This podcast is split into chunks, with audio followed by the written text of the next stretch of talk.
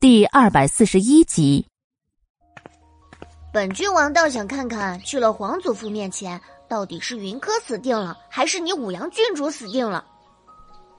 回过神来的莫瑶走到云柯身边，歉意的看了他一眼，然后愤愤的瞪着五阳。刚才如果不是云柯救了他，他被五阳的玉骨鞭抽中，再落入水中，那他就真的不死也得残了。这样狠毒的女人，为何要留在这世上？莫瑶阴沉着脸，眼里对武阳的愤恨已经到达极点。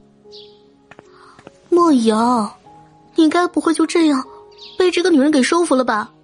你别忘了，你之前可是为云三小姐准备了许多有趣的东西呢。要不要我帮你说出来听听啊？武阳如何能忍受莫瑶跟云柯瞬间结成同盟呢？望向云柯的目光更是恨不得能将云柯给毒死。说到这个，莫瑶有些心虚，但敢做敢当向来是他的为人准则。他想算计云柯是事实，他也确实应该承认。云柯姐姐，对不起，郭嬷嬷替你在娘亲面前说了很多好话。可我没亲眼见过你，也不知道郭嬷嬷说的是不是真的，所以想试试你的人品。但我保证，我对你没有坏心的，就只是想试探你一下而已。云柯伸手摸了摸莫瑶的头，小孩子长得很不错，这会儿微低着头，诚心认错的模样，更是让人心疼。在明知五阳郡主挑拨的情况下，他又如何可能真的责怪他？哎 以后可不许再这样！你想知道一个人的人品，理应跟人相处之后再下结论。这样恶作剧式的试探会给别人造成伤害的，可明白？云柯说的柔和，对这个才见面的小家伙，他有种本能的亲近。之前荣成对他说的提醒，也完全抛在了脑外。你相信我不是个坏小孩？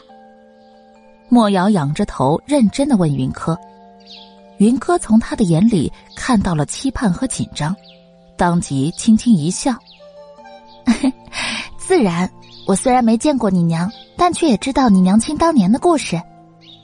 有个敢爱敢恨、爱憎分明的娘亲，那她的孩子也不可能差到哪儿去的。”云柯说的平静，但莫瑶一双大眼睛却是有些湿润。这些年，外头的人都说他嚣张不服管束，只有娘亲和德祖母、三舅舅相信他并不是坏小孩现在又多了一个云柯，这种感觉很美好。谢谢你，我相信三舅舅的眼光，以后我会跟三舅舅一起守护你的。明明才五岁的孩子，身高才及云柯腰间，但掷地有声的说着。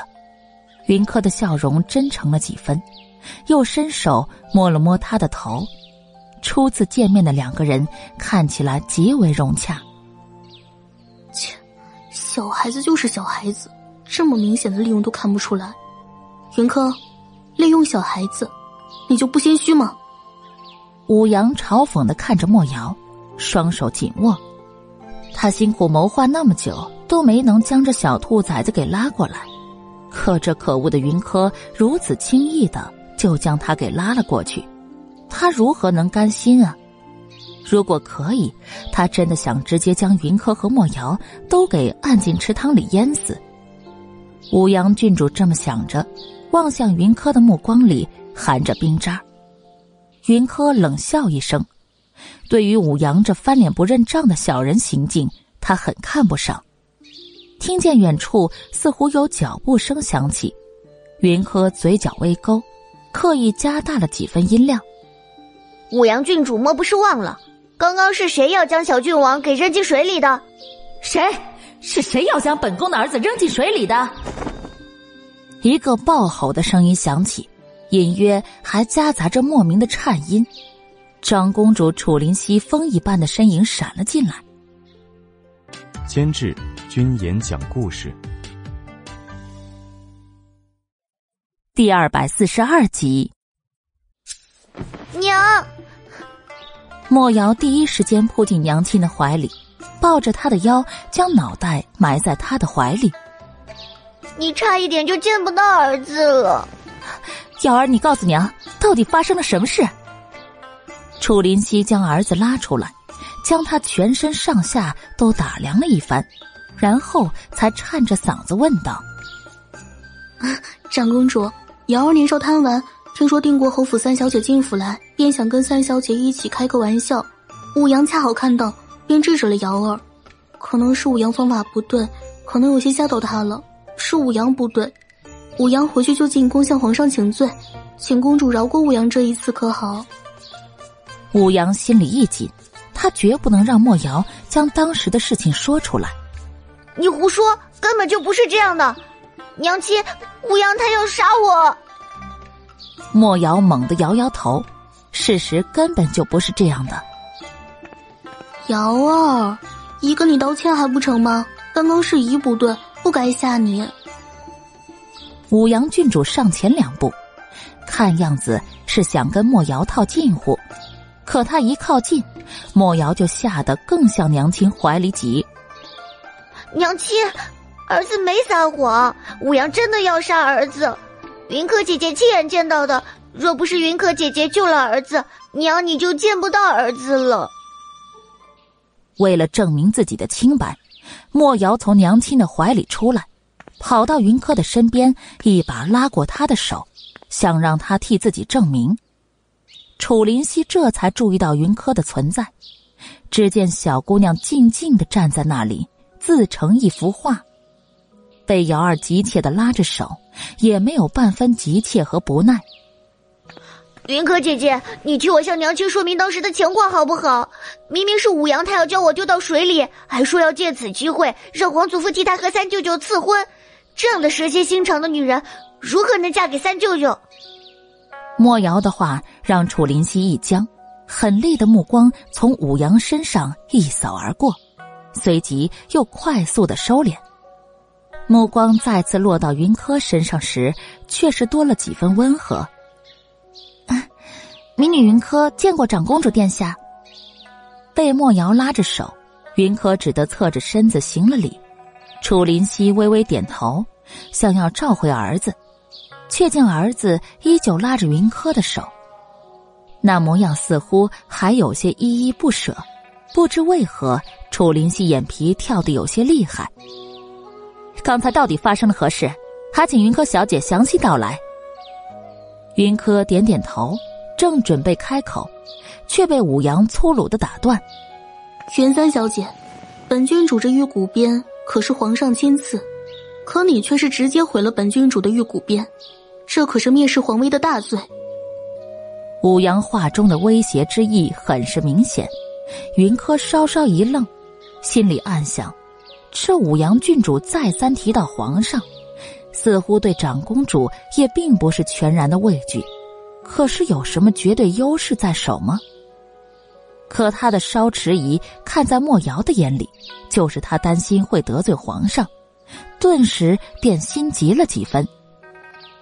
云柯姐姐，你不用怕武阳的，虽然他在皇祖父面前得宠，可再得宠也越不过三舅舅的。莫瑶的意思是，有三舅舅帮你撑腰，你完全可以不怕武阳的。皇上早就说过。要为我和你三舅舅赐婚，瑶儿，你很快便要改口叫我舅母了哦。眼见着长公主的目光越来越冷，武阳这下是真的害怕了起来。如果真的让云柯和莫瑶将刚才的事情原话转述，那他可是将整个长公主府都给得罪了，这并不是一个很明智的选择。本王怎么不知道？本王什么时候多了个未婚妻？就是。第二百四十三集，一个极为张狂的声音突然响起。楚天阙一袭深紫色锦袍出现在院子的入口处。他出现的第一刻，便是搜索他的小姑娘。人群中，楚天阙一眼就看到了穿浅紫色长裙的小姑娘，心里一柔，大步走来，想将她给纳入自己的庇护之下。只是走得近了，自然也就看到了云柯和莫瑶那紧握的小手。想也没想的，直接将莫瑶给拎开，推进楚林溪的怀里，一脸傻笑的看向云柯。娇娇，数日不见，他的思念成了狂潮。这会儿见着了，真的好想直接将人给抱进怀里，然后狼啃一顿。被他这炙热的目光盯着，云柯轻咳了一声，缓缓开口：“嗯，刚刚事情紧急，担心郡王会受伤，云柯行事鲁莽了些，因此损坏了王爷未婚妻的玉骨鞭。云柯认罪，愿接受王爷的惩罚。”云柯说完，四周静悄悄的。楚林溪最先反应过来，他捂嘴轻咳一声，眉间带笑，看向云柯的方向，意味深长。这小姑娘看着简简单单的，倒是个会挠心的。莫瑶不明所以，扯着嗓子大声告诉云柯：“云柯姐姐，武阳他才不是三舅舅的未婚妻呢。”对瑶儿说的对，本王才没有什么未婚妻。被小姑娘那轻轻柔柔的眼神给勾得心痒痒的楚天阙，这会儿才发现了问题所在。他哪来的未婚妻呀？小姑娘为什么就认定了武阳是他的未婚妻呢？这罪名可深了去了。楚天却有些着急，上前两步想向小姑娘解释，可他往前，他就后退。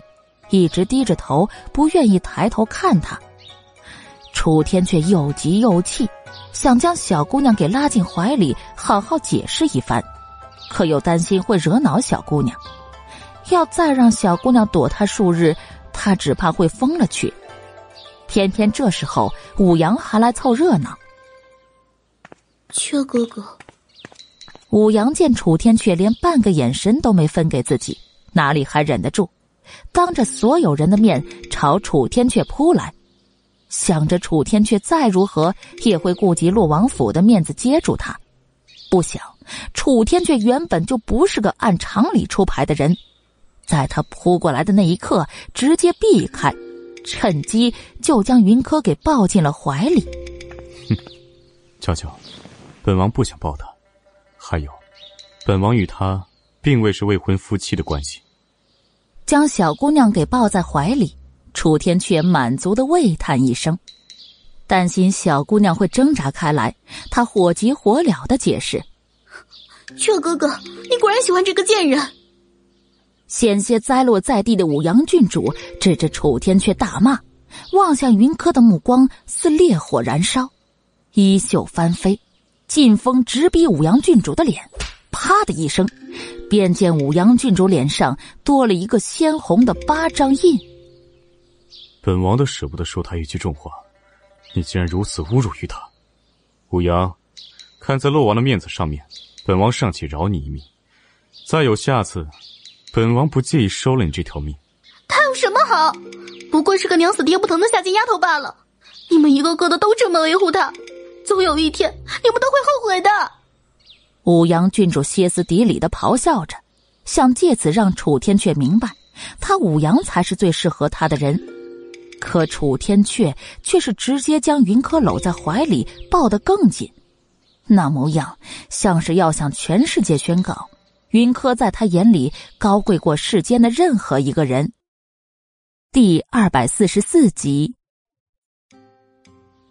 来人，请武阳郡主去安宁院坐坐。有关郡王受惊一事，本宫要好好的调查。如果事情属实，哪怕是拼了这条命，本宫也要去父皇面前讨要个公道。对于武阳郡主的行为，很是不满意。在长公主府，他都能如此的嚣张，若不制止，那日后岂不是要上天呢？楚林溪大手一挥。顿时，长公主府里的侍卫便直接走到武阳郡主的面前，朝他做了个请的姿势。武阳郡主不想理会，但那些人纷纷亮出手中长剑，意思很明显了：如果他不走的话，他们就会直接动手将他带走。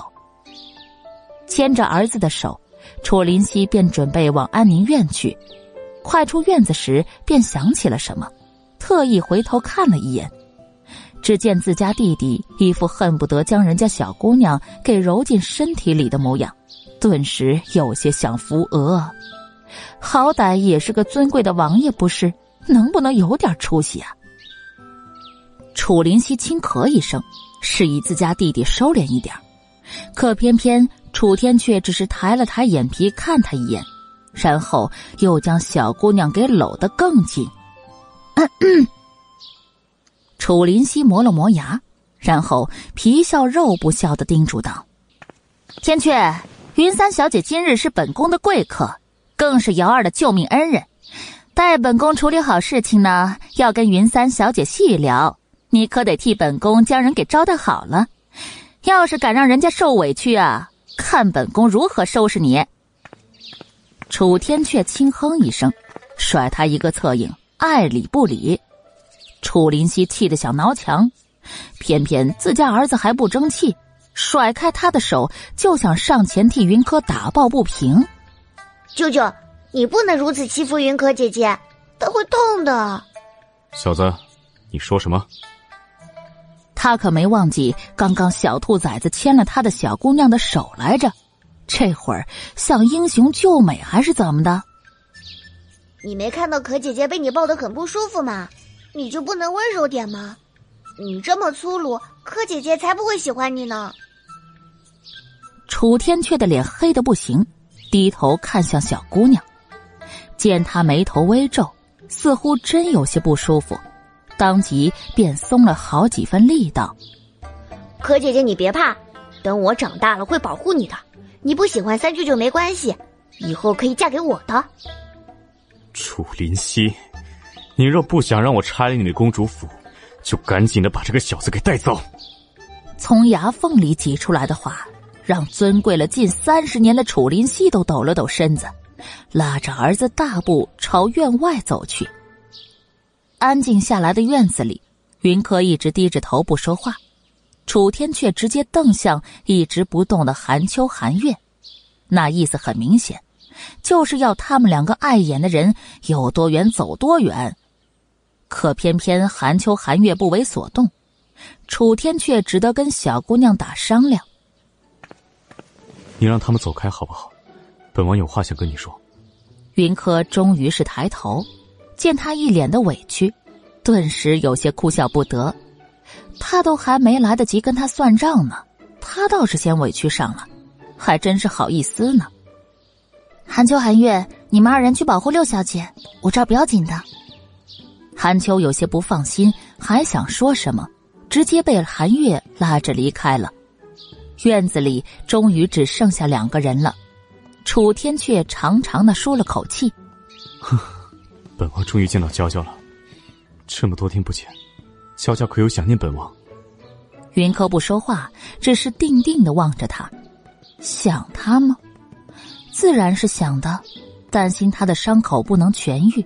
每次韩秋替他换完药回去，他都会细细的过问，再三的叮嘱，哪怕知道他已经无大碍，可监制君言讲故事，第二百四十五集。可这些他并不打算让他知道，喜欢看他为了他着急上心的模样，也喜欢听他诉说对他的在意。见云柯不说话，楚天却有些不满意，继续咕哝：“哼，真是个没良心的家伙！为了见你一面，本王可谓是费尽了苦心。可你不但不想念本王，还一心念叨着别的人。我何时念叨别人了？”云柯轻声反问，嘴角微翘，心情似乎很好。你救了莫阳那小子，是不是抱了他，还牵他手了？他亲眼见到那小子牵着小姑娘的手，至于是不是抱了，他也是猜的。哪怕是猜的，心里也酸的要命。小姑娘怎么都不主动抱他呢？啊，抱啦！当时五阳郡主要把他扔进池塘里。我把他接住，然后抱回了岸上啊。后来也确实跟他牵手了。云柯说的很坦然，但话里却是带了几分戏谑和笑意。但楚天阙却是没听出来啊，他脸一黑，小姑娘果然抱了别的男人，哪怕那个男人才五岁，而且是他的亲外甥，他也还是不爽。哼，不开心，很不开心啊！小姑娘宁愿去抱莫瑶，也不愿意抱他，他不开心。云柯被他这小孩子性逗得哭笑不得，他要不要再幼稚一点啊？再说了，他的关注点不应该是在武阳要对莫瑶不利这一点上吗？武阳郡主可是你的未婚妻呢。云柯声音悠悠的，将楚天阙推离几分。楚天阙当即全身警铃大作，双手放在小姑娘的肩膀上，将她的小脸固定，只让她看他一个人。本王想娶的人，只有你，其他的什么人？本王都不在意，瑶儿的事情，皇姐自会处理的。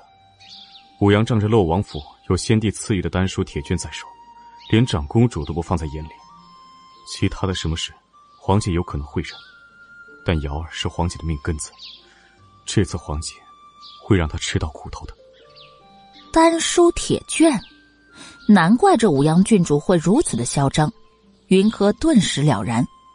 如果当时真让武阳将莫瑶给扔下了水，又故意拖延救治时间，事情闹到皇上面前，皇上最多也是让武阳郡主面壁思过，但莫瑶却是极有可能再也醒不过来。想着莫瑶那么可爱的孩子，极有可能突然变成一具尸体，云柯心里的怒火一阵一阵的。哼，这都是你的桃花债啊，却要小郡王来遭罪。真是不应该！说完，还不忘责怪的瞪了楚天阙一眼，那模样极为的嫌弃。楚天阙一梗：“这、这、这也怪我吗？还有，为什么小姑娘才不过是见了莫阳那小子一面，就这么在乎了？这样一来，他何时才能在小姑娘的心里占有一席之地呢？”娇娇，你是不是太过在意那小子了？某王爷更幽怨了，一双铁臂紧紧的将人给搂在怀里，那架势大有如果不说出个所以然来，他今天还真就不放手了。呃，小郡王很可爱呢，而且很贴心。小小年纪的孩子就知道要保护娘亲，而且在武阳那样威逼之下都能保持初心，这样的本质在一般大人身上也是极为难得的吧。哼！重重的哼一声，表示着自己的不悦。在小姑娘的心里，一个五岁的臭小子都要超过她了，这让她如何高兴的起来？云柯抬头，认真的看着楚天阙，见他一张脸黑的不成样，每个部位都写满着“我不开心，我不爽”，不是。第二百四十六集。哎，你的伤口可是全好了？云柯伸手抚向楚天阙左胸口的位置，小姑娘用力很轻，似乎生怕会伤到他一般。那般小心翼翼的模样，让楚天阙内心里一动。哼，依旧是一声哼，但却明显带上了几分傲娇气。就像是小孩子看到喜爱的玩具，明明很想要带回家，可又故意装作不在乎的样子。韩秋说你的伤口已经没有大碍了，可我还是有些不放心。现在看你行动自如，我总算是松了口气。小姑娘极为认真的说着，那一字一句就像是一阵极为轻柔的风，吹过楚天阙的心田。让他忍不住的就想跟着风一起轻轻的飘走。你只会关心莫阳的臭小子，本王身体好没好，你又如何会在乎？太过明显的酸意，让人想要忽视都做不到啊！云柯实在没忍住，直接笑出了声来。于是楚天阙的脸更黑了，眼里的风暴凝聚，看样子就要席卷而来。云柯赶紧止住笑，他以前怎么没发现这个男人吃起醋来是这么的可爱呢？呃，我会觉得郡王可爱呢，是因为当时五阳郡主威胁他，如果他不撮合你俩，就要把他丢掉池塘了。可小郡王宁愿被丢进池塘，都不愿意违背自己的初心。这样的品质让我觉得诧异的同时，又有些心疼小小年纪的他。郡王再优秀，那也是因为他是你的外甥，受你教导所致啊。我觉得最可爱、最优秀的，当然还是王爷你呀。嗯，这样应该不会再生气了吧？云柯笑盈盈的看着他，眼里的狡黠怎么都遮不住。楚天却一愣，低头看小姑娘。见她满脸的笑容，顿时便觉得似乎所有的烦恼都没有了。小姑娘的眼里满满的都是他，而且只有他一个人，这样的感觉真好。楚天却心里一动，缓缓的、慢慢的低下头来，什么都听不见，所有的心思都集中在小姑娘的双唇上，好想好想亲一下。一定会好软好软的，近了，近了，马上就要亲到了。楚天却心里欢呼着，可下一秒却是只亲了一根手指头，整个人都失望的清醒过来。唉，没有得偿所愿，楚天却脸色有些臭，想抗议，但又怕小姑娘会借此推开他，于是冷着脸不说话了。云柯轻叹一口气：“哎，我才十二岁啊，你如此猛浪会吓到我的，啊！”简单而直白的拒绝，云柯希望他能明白，他需要时间适应。若他一味的激进，那只会将他吓得跑更远了。嗯，本王知道了，以后不会了。但你以后也不能再躲着本王，见不到你。本王心里空空的，难受。他心里有他，自然是希望时时见到他的。可小姑娘是个狠心的，一连数天躲着他，说不理他就不理他，这样失控的局面让他心里抓狂啊！他这辈子是栽在他手里了，别想过要逃脱，也没想过要放手。轻轻的一声“嗯”，是他的承诺。见小姑娘应下了，楚天却欢喜的将小姑娘抱得更紧，有他在真好。啊，我有些担心，郡王会不会是武阳的对手？我们去安宁院看看。想到武阳极有可能会颠倒是非，云柯有几分担心莫瑶。楚天却有些不愿意，若可以，他真的想跟小姑娘在这里待一天。没人来打扰多好，可小姑娘执意要去看看莫瑶，他只得同意。第二百四十七集，见云柯和楚天阙终于动身往外走，躲在大树下当背景的云朵和寒秋、寒月三人也赶紧跟上。哇，三姐姐好厉害！三王爷之前那么生气，三姐姐几句话就搞定了，太厉害了！云朵碎碎念着，语气里满是崇拜。韩秋有些想扶额，但是韩月一脸自豪的接了一句：“哼，那当然，我们小姐可厉害了。”从莫瑶的院子去安宁院，要经过一大片的荷花池。荷花池前的偌大院子，也就是今日长公主设宴的主要地方。路上来往的人不少。云柯一出院子，就甩开了楚天阙的手，寒秋、寒月更是第一时间护在云柯身边。还没享受够的楚天阙，突然被人甩开，脸上再次染黑，有些不满的盯着小姑娘。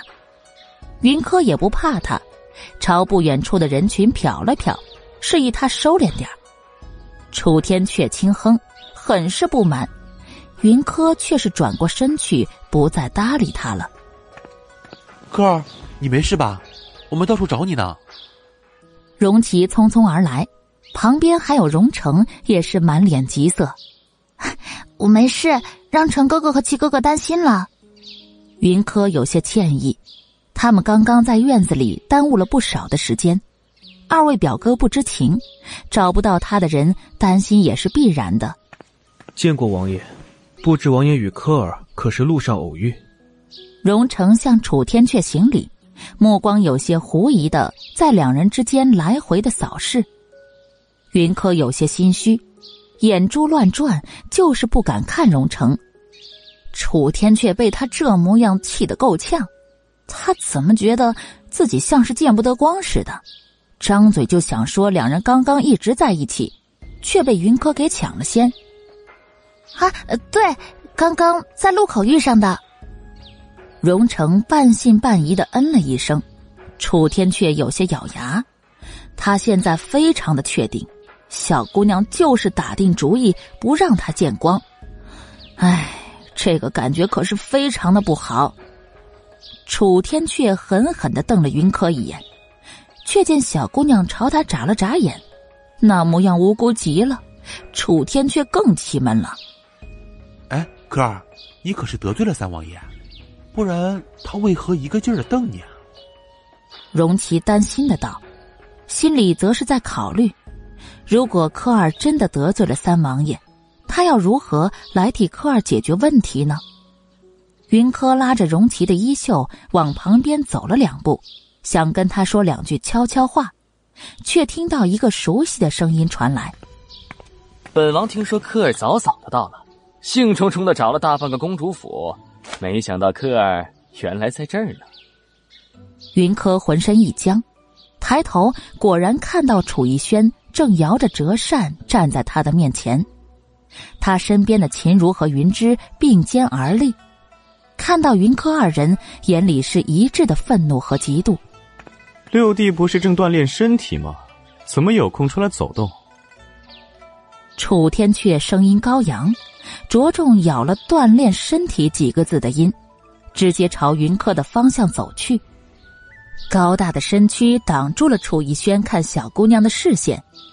楚逸轩原本是想借龙舟赛重拾皇上的欢心，却不想被楚天阙给整的直接最后一名。皇上大怒之下，让他好好的锻炼一番。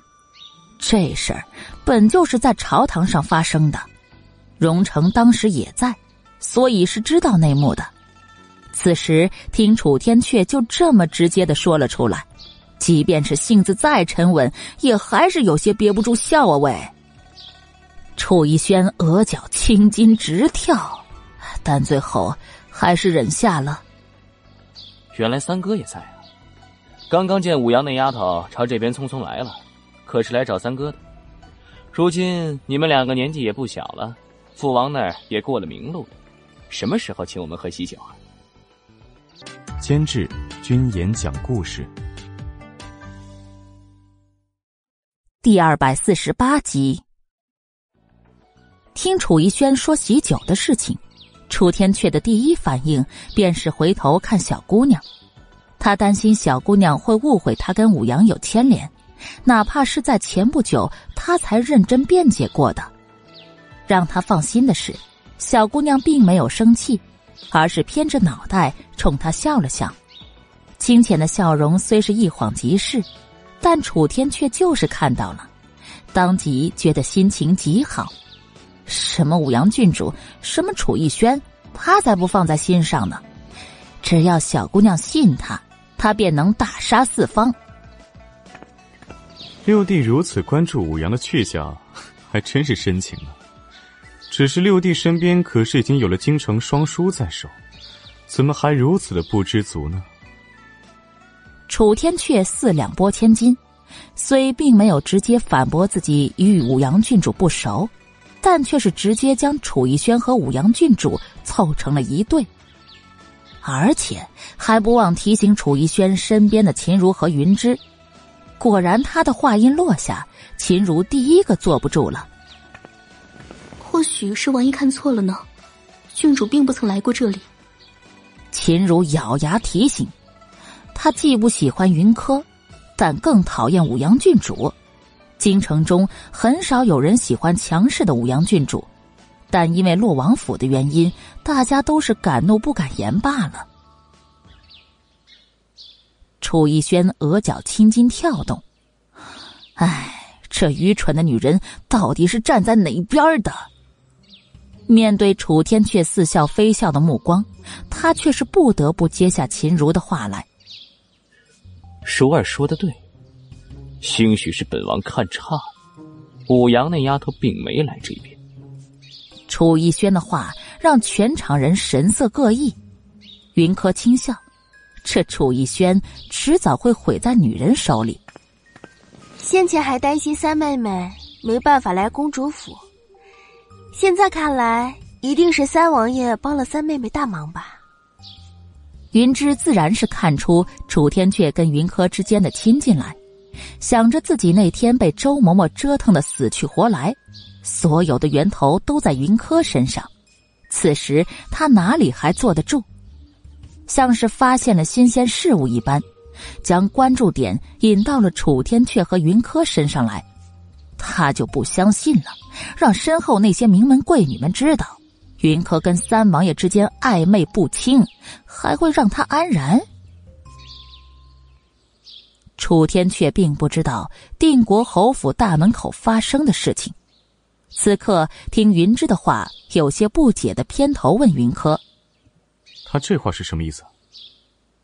云柯轻呵，笑而不语。倒是荣琪看不得亲亲表妹被人如此欺负，当即大步上前来，逼得云芝后退几步。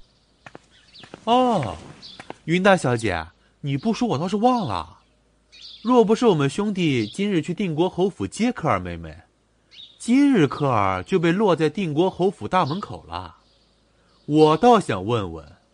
云大小姐故意让马车早早离开，是何居心啊？你故意让马车提前离开，落下他。楚天阙听完荣琪的话，却是直接黑了脸。他临时处理一点事情，所以便没有去定国侯府接小姑娘，没想到却让他受了这样的委屈。相对于荣琪的靠近，楚天阙这个人明显更有威慑力。云芝被他吓得一个劲儿的往楚逸轩怀里躲。堂堂定国侯府里，又岂会没有其他空余的马车？三妹妹看不惯我这个堂姐已久，想要耍个心计，实在是太过容易。云芝的意思是，云柯故意营造定国侯府没有多余的马车困境，陷他这个堂姐于不是。第二百四十九集，云柯轻笑：“好，大姐姐有所不知啊，府里的四辆马车，除去一辆需要修理的，侯爷和三爷各用一辆，剩余的一辆呢，老夫人的意思是留给我们姐妹用。可当我出门时，王总管却是告诉我大姐姐早就走了。唉，原以为大姐姐有急事要办。”现在看来，大姐姐着急起来，只是为了早些见到六王爷呢。轻声细语，不见半分恼意，但却更能勾起人的怒意。至少楚天阙就是这样的。只见他桃花眼一抬，戾气一泻千里。哼，云大小姐还真是深情啊，这么在意本王的六弟。只是以你定国侯府的身份，想做六王正妃，还差了几分呢。三王爷，三王爷这话是何意？侄儿虽不是王公贵族，但好歹也是亲外人家的女儿。王爷这话，让这儿以后如何自持？云芝似乎被气得不轻，捂着脸，肩膀抽泣着，那模样像是被楚天阙的话给侮辱到了。很是伤心，这本是美人垂泪、男人怜惜的一幕，但楚天阙的怒气却在这一刻达到顶峰。若觉得没脸活着的话，那就别活了，晦气！天童，找人送云大小姐回家。长公主今日设宴赏花，图的就是喜庆和谐，可别让云大小姐的晦气给冲撞了。楚天阙的话让云芝身体一僵，他好不容易才靠近六王爷，还没来得及让六王爷看到他的闪光点，就这么被赶出去，以后可就没有这样的好机会了。再一个，今日可是长公主府的赏花宴，他被冠上晦气之名赶出长公主府，那日后他在京城还会有立足之地吗？云芝害怕了。他吓得直接跪在楚天阙的面前，想抱住楚天阙的腿来求饶，被楚天阙早早避开。王爷，王爷侄儿知道错了，请王爷恕罪，以后侄儿再也不敢怠慢三妹妹了。求王爷开恩，以后侄儿一定做个好姐姐。天童还不赶紧的滚出来！他这破嗓子吼的本王心烦。一声暴吼。还在百步之外的天童赶紧滚了过来，撸起袖子就直接准备去拎人。云芝吓得不轻啊，赶紧回头抱住楚逸轩的腿。六王爷救命啊！侄儿错了，侄儿不应该为了赶早见到王爷而把妹妹抛下的。侄儿错了，求王爷开恩。你惹怒了三哥，求我有何用？楚逸轩面容一冷，这贱人只会在求楚天阙失败后才找到他，他为何要帮呢？直接抬起一脚便将云芝给踢了出去。云芝被天童直接拎走扔了出去，秦如笑得得意，云柯轻轻的扫了他一眼，勾唇笑得高深莫测。前头宫嬷嬷的身影再次出现，急匆匆的走到云柯的面前，满是歉意的拉住云柯。哎呦，我的好三小姐，老奴总算是找到你了。老奴该死，闹出这么大的乌龙来，老奴对不起三小姐。宫嬷嬷说的是刚刚被人半路劫走，让云柯到现在还没见到长公主的事情。嬷嬷言重了，是云柯见公主府里景色优美，一时晃神走岔了路，该云柯向嬷嬷说抱歉的。云柯深知事情的真相是不能说出口的，尤其是现在还不知道长公主要如何来处置武阳郡主，但宫嬷嬷当众向她道歉，又得要一个合理的理由。皇室丢不起人，那便他来顶。果然，他的话让宫嬷嬷一愣，但随即反应过来，看向云客的眼里更温暖。公主殿下在安宁院等候小姐已久，我们耽误太多的时间了，现在就请三小姐随老奴去吧。第二百五十集。好的，嬷嬷请稍等。云柯走到荣成和荣琪的面前。轻声的将自己刚刚半路上与宫嬷嬷走散，所以到现在为止还没有见到长公主的事情大致说了一下。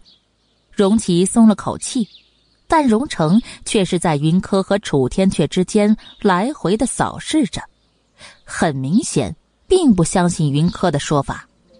柯儿，长公主寡居多年，性子有些不定，你小心。荣成沉着脸交代。有心想陪柯儿一起去，但也明白若长公主不允许，他是靠近不了安宁院半步的。现在能做的便是交代云柯小心再小心。云柯一愣，抬头看向荣成，见他眼里浮光沉沉，似有不知名的情愫正在凝聚。云柯心里一缩，程哥哥对他，本王正好要去见皇姐。云三小姐就和本王一道吧，容嬷嬷，你替皇姐好好招待六弟和今日的贵客们。楚天阙突然开口，打断了云柯与荣成之间的目光对峙。云柯回过神来，朝荣成一笑，示意他别担心，然后转身对着楚天阙弯身一礼：“ 那就有劳三王爷带路了。”楚天阙冷着脸轻哼一声。不再看云柯一眼，然后直接大步朝安宁院的方向走去。见二人离开，宫嬷嬷有片刻的疑惑，但也随即淡定下来，走到楚逸轩和秦如的面前，恭敬一礼：“六小姐、秦大小姐、荣少卿、荣二少，请这边请，我们在这里设了。”去安宁院的路上，云柯一直在思考，程哥哥是何时对他动了情的？他对程哥哥只有兄长般的尊重，并无男女之情。他要如何来处理，才不会伤了两人之间的血脉亲情呢？因为想得太过认真，所以连前面走路的人突然停了下来都不知道，就这么直直的撞了上去。男人的身体坚硬如铁。云柯又撞得太过随意，小鼻子撞在他的背上，痛得云柯眼眶红红。抬起头来，见楚天却依旧背对着他，挺直的脊背，满身显而易见的冷气，让人轻易就知道他的不悦。云柯一愣，意外他怎么又生气了？但想了想，自己刚刚好像也不曾做错什么呀，当即便也不理会。直接越过他，继续朝前走去。云柯，楚天却低沉的声音像是从喉咙里发出来的。云柯脚步不停，直接走进安宁院。下人通报，莫瑶欢快的跑了出来，见到云柯便直接扑了过来。云柯怕他会摔倒，便特意蹲下身子。这样一来，莫瑶便直接扑进了云柯的怀里。柯姐姐，你来了呀！我刚刚还跟娘亲说起你呢。柯姐姐，你真厉害！等我以后长大了，娶你当新娘子好不好？小包子难得遇上一个投缘的人，而且这投缘的人还对他有救命之恩。此时见了云柯，只想着一个劲的黏着他。在生命垂危的关头，云柯温暖的怀抱让他感受到了世间最纯净的爱意。他说的话也都是心里最真实的感受，他喜欢柯姐姐，所以便想将她留下来，娶她当新娘子，便是最简单的方法。此时莫瑶小包子根本就忘记了，云柯可是他家亲舅舅直接定下的人啊。云柯也没想到小包子会这么的热情，这会儿被他吊紧脖子，呼吸有些不畅。正想让小包子稍松几分力道呢，就感觉到小包子整个人被人提了起来，然后扔了出去。不是。第二百五十一集，云柯轻呼啊，正准备去护着小包子呢，就见长公主从屋子里走出来，小包子则正好被她捞在怀里。哎，楚天阙，你现在长本事了呀！三番四次对瑶儿动手，若是伤到他，看我怎么收拾你！楚林溪怒不可遏，他并不能保证自己每次都能那么准确的接到儿子，这要是真的摔出个好歹来，谁陪他儿子呀？哼，敢跟本王抢女人，本王没直接捏死他，都是看在母妃的面子上。楚天阙面色不佳。走上前来，便准备将小姑娘给捞进怀里，可小姑娘却是眼疾手快的避开了。啊民女云柯见过长公主殿下。云柯不搭理楚天阙，直接走到长公主面前，朝她恭敬行礼。身后的寒秋、寒月和云朵也都在最短的时间里归位。进来吧，瑶儿见你们还没到，都快望眼欲穿了。楚林溪轻笑着说道，目光则是扫向弟弟楚天阙，见他正幽怨的盯着小姑娘，顿时又有些想表示自己真的不认识那个没出息的。谢公主殿下。云柯一言一行都谨遵规矩，始终站在楚灵溪身后三米远的位置跟着。来人，给三小姐看座。下人搬来椅子。云柯正想坐下，却是被人直接拦住了腰，看那架势是准备抱着他一起坐的。云柯皱眉抬头望他，轻声述说着一个事实：“我想自己坐下来啊。”没有反驳，只是表达着自己的想法。楚天却一愣，还想再坚持一下，却见小姑娘直接掰开了他的手，然后在椅子上坐下来。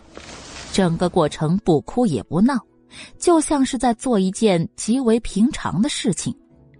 楚天却顿时便觉得自己的整个胸腔被一股闷气所充斥，他狠狠的瞪向小姑娘，可小姑娘已经跟莫瑶小包子搭上话了。他垮下脸，将下人原本放在小姑娘对面的椅子给直接拖到小姑娘身边来，然后挨着她坐下，当着楚林夕的面，强势的将小姑娘的手给拽过来握在手里，任由小姑娘怎么挣扎，他就是不放开，那模样无赖极了。楚林夕觉得自己要是再不出声，极有可能会被当成死人一个。只得轻咳两声，示意他注意收敛一下，可却收到楚天却回他的一个白眼，啊！梗得楚林溪当场就想翻脸呐。嗯，今日的事情呢，本宫已经向瑶儿了解清楚了。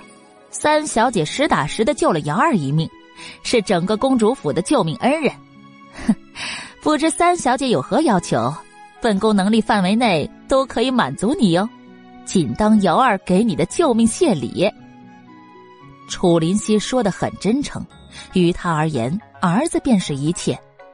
云柯实打实的救了他儿子，哪怕是要他付出整个公主府当做谢礼，他也是愿意的。云柯能感觉到他的诚意，但他救莫瑶原本就不是因为他是公主府的郡王。而是他被小包子那威武不能屈的性子所打动，再有一个就是对孩子天生的怜悯，这些都不是能用财物来取代的，所以他不能收楚林溪的谢礼。这么想着，云柯直接站起身来，想双手交叠行公礼，却发现自己的右手被某人给拽住了，收回无效，只得堪堪行了半礼。然后声音柔柔的说道：“啊，公主言重了。当时情况危急，君王小小年纪便威武不屈，云柯心生感动出手，实在不足挂齿。还请公主不要再提及此事，只要小郡王茁壮成长便足矣。”楚林溪没想到云柯会这么说，抬眼看向楚天阙，见他也一脸惊讶的看着云柯。顿时明白，云柯的话并不是受楚天阙指点。小姑娘才不过十二岁的幼龄，就能说出这样极为有见地的话来，还真是让人惊讶呢。更重要的是，小姑娘能抵挡住权势的诱惑，结合她的身世，在她这个年纪还真是难得。楚林夕再看云柯时，多了几分温情。你救了杨二不求回报，是你品德高尚，但本宫却不能就此结果。这样吧，这个玉佩是本宫成年时父皇亲赐，你收着。日后你若有用得着本公主的地方，请尽管开口，本宫定会倾尽一切相助。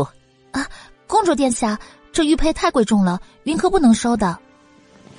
收下吧，对皇姐来说，这小子的命可是重于一切的。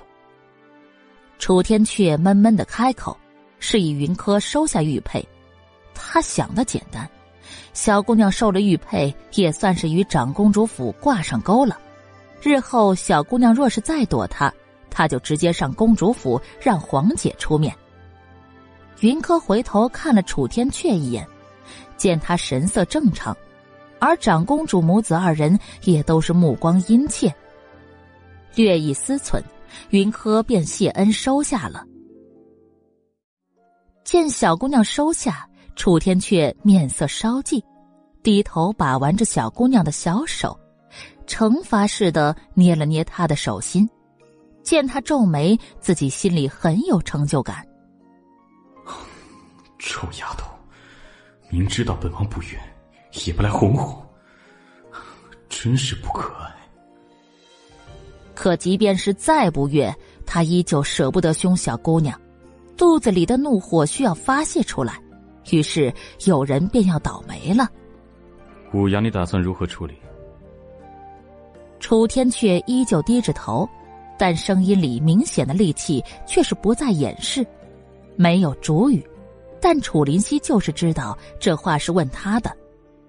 哼，过去是本宫小看他了，他还敢对瑶儿动手，真是长本事了。真以为手握丹书铁卷，本宫就不能对他如何了？这次的事情，本宫不会就此饶恕的，哪怕是闹到父皇面前，本宫也会为瑶儿讨回这个公道。何必那么麻烦？要是把他放回了洛阳府，给了喘息的机会。只会生出更多的麻烦事来。嗨，你有主意了？楚林溪一喜，武阳的事情现在看来极为的棘手，他肯定不愿意饶恕，但洛王府也有自己的势力在，不是那么好得罪的。但如果天阙有法子能治他，肯定要省事许多。主意是有，就要看黄姐你能不能豁出去了。楚林溪有瞬间的不明白，这不是在说武阳吗？怎么又说到他了？见他不明白，楚天却很是嫌弃，但还是耐着性子解释的更为直接。本王瞧着老六似乎对武阳异常关心，男未婚女未嫁的，要发生点什么，实在是太正常不过了。这下楚林夕自然是明白了，眼神一闪。默认了楚天阙的这个主意，稍稍思忖，便问道：“ 啊，那本宫需要做什么呢？”姐弟两个并不是第一次合作，早就有了默契。楚天阙继续捏着小姑娘的手，淡定的提醒：“瑶儿险些被武阳弄得没命，不就是因为武阳他威胁瑶儿撮合他和老六吗？身为长公主。”有人在你的公主府里要弄死你儿子，你只要不是个死的，就会有所反应，失控之下做出什么不举之当，不是很正常吗？第二百五十二集，这下云柯都惊讶的抬头看楚天阙，如此的颠倒黑白，真的好吗？明明任武阳是威胁莫瑶撮合自己跟他的吧？他就这么突然换了男主角，而且还换的这样的毫不心虚，真的够无耻。更重要的是，他这样光明正大的怂恿长公主给武阳郡主和楚逸轩下药，真的很直接呀。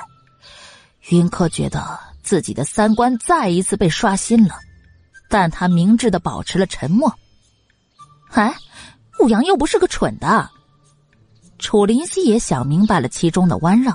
不由自主的翻了个白眼，武阳不但不蠢，相反他很聪明，不然凭着郡主身份，如何能在皇宫里被各公主子宠爱？宫里向来不缺公主。他自是不蠢，可情爱一事哪有聪明与否？因为对老六深情，所以才会在威胁瑶儿失败之后，自己亲自出马勾引老六，想借由夫妻之亲绑住老六。至于洛阳府那边，父皇会更看重皇家颜面的。楚天阙说的凉薄，云柯算是完全明白他的打算了，心里很清楚，楚天阙说的就一定会是最终的结果，至于过程并不重要的。啊，那这件事情就这么定了，本宫这就去安排。或许是想到接下来的事情很有趣。楚林溪也不由得多了几分雀跃，楚天阙点点头，仍然坐在原地。等楚林溪领着人出去了，他又重重的捏了捏小姑娘的手心。你跟荣成关系很好。阴沉沉、明显带着气性的声音响起，云柯一愣，所以这就是他刚刚一直黑着脸的原因喽。云柯有些失笑。依他对这个男人的了解，有什么情绪，他向来会是第一时间表达出来。如果自己不爽了，也肯定会要旁人更不爽。可是现在他却只是生着闷气，舍不得伤他分毫，心下一暖。云柯轻轻的叹了口气，转过身来，只见那男人明明在意的很，但又偏偏要做出一副本王才不在意的模样来。我跟程哥哥关系好，不应该吗？云柯故意使坏，装作没有看出他的不爽，偏着脑袋轻轻问他，那模样要多无辜就有多无辜。楚天却只觉得自己气得更厉害了。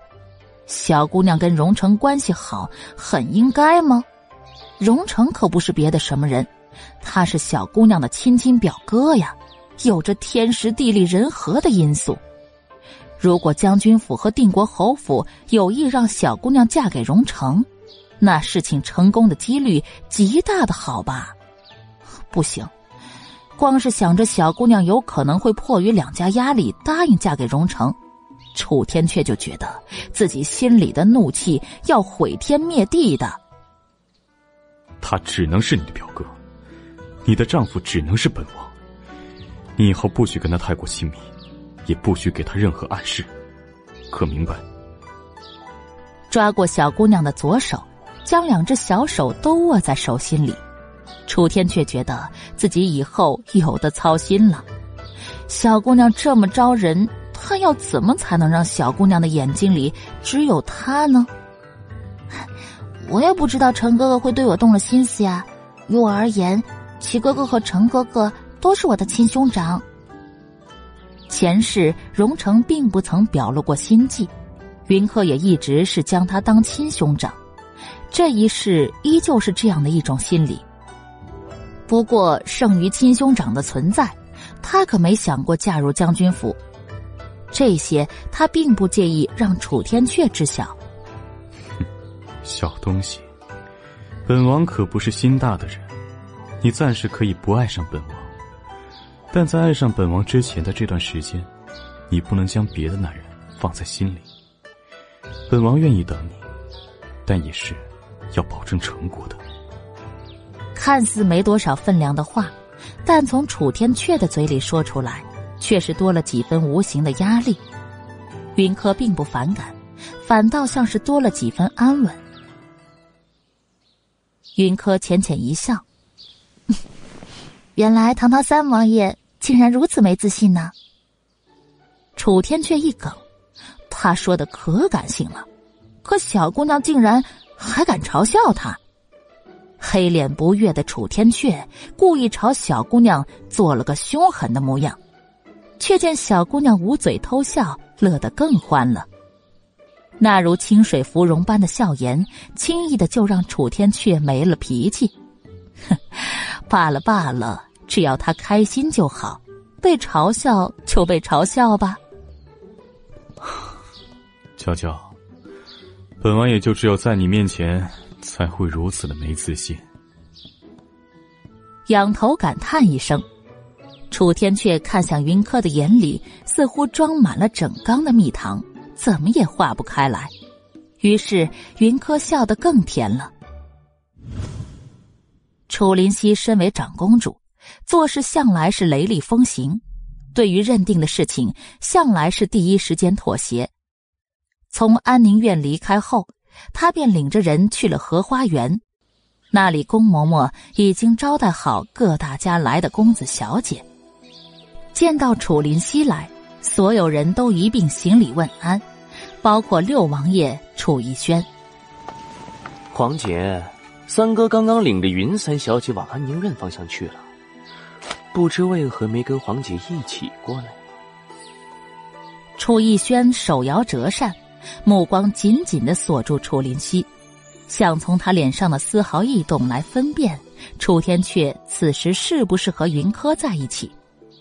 他的话一出，不少人都竖起耳朵来，秦如更是第一时间附和道：“对啊，臣女也是才知道，原来三王爷和云三小姐很熟人呢，也难怪花灯神会那日，三王爷会将射来的七巧玲珑灯送给云三小姐呢。”秦如的话一出，顿时他身后的那些贵女们就炸开了锅，但无一例外。都没什么好话，都在说云柯不要脸攀上三王爷的事情。楚林熙眉头一皱，眸光清扫楚逸轩和秦如。如果没有刚才安宁院里那虐狗的一幕，他或许也会相信是云三小姐高攀了他家弟弟。可是亲眼所见后，证明是他家那不要脸的弟弟黏着人家云三。如果真让那魂不吝的听见这些人的言论，混起来只怕会来个血洗河源。想到这里，楚林熙有些头疼。怎么，这个问题很难回答？还是说，现在三哥跟云小姐不便现身人前？楚逸轩见楚林熙皱眉，以为自己的机会来了，见缝插针的问出这般犀利的问题来。啊，老六，你？楚林熙眉头皱得更厉害了，他总算是明白为何天阙会看不上老六的原因了。皇姐身为东道主，更是皇室长公主，岂能如此混淆视听？见楚林熙似有难言之隐，楚逸轩更是咄咄逼人。莫不是六弟以为世人都会像你一样无视所有的礼数规矩？虽然皇姐府里的女眷们个个都貌美如花，但本王又不是六弟，堂堂王爷之尊，却是个管不住自己下半身的。树梢上，一道慵懒至极的声音传来。众人抬头看。只见三王爷楚天阙正横躺在树枝上，横眉冷睨着楚逸轩，那模样像是他早已来了许久，只不过是不屑与他们一般同流合污。哇，三王爷真好看，可不是吗？跟个妖孽似的。人群中有贵女纷纷感叹着，树梢上的男人一袭深紫色锦袍。头戴玉冠，一张俊俏到雌雄莫辨的脸，此时正不悦着。但即便是不悦，也难遮他的风华。三哥这话是何意？本王不过是过问一下黄姐你的去处而已。三哥何必指桑骂槐，污本王的名声？听到楚天阙声音的那一刻，楚逸轩便明白今日之战。自己输了，但楚天阙的话实在是太过诛心，就差明着戳他脊梁骨了。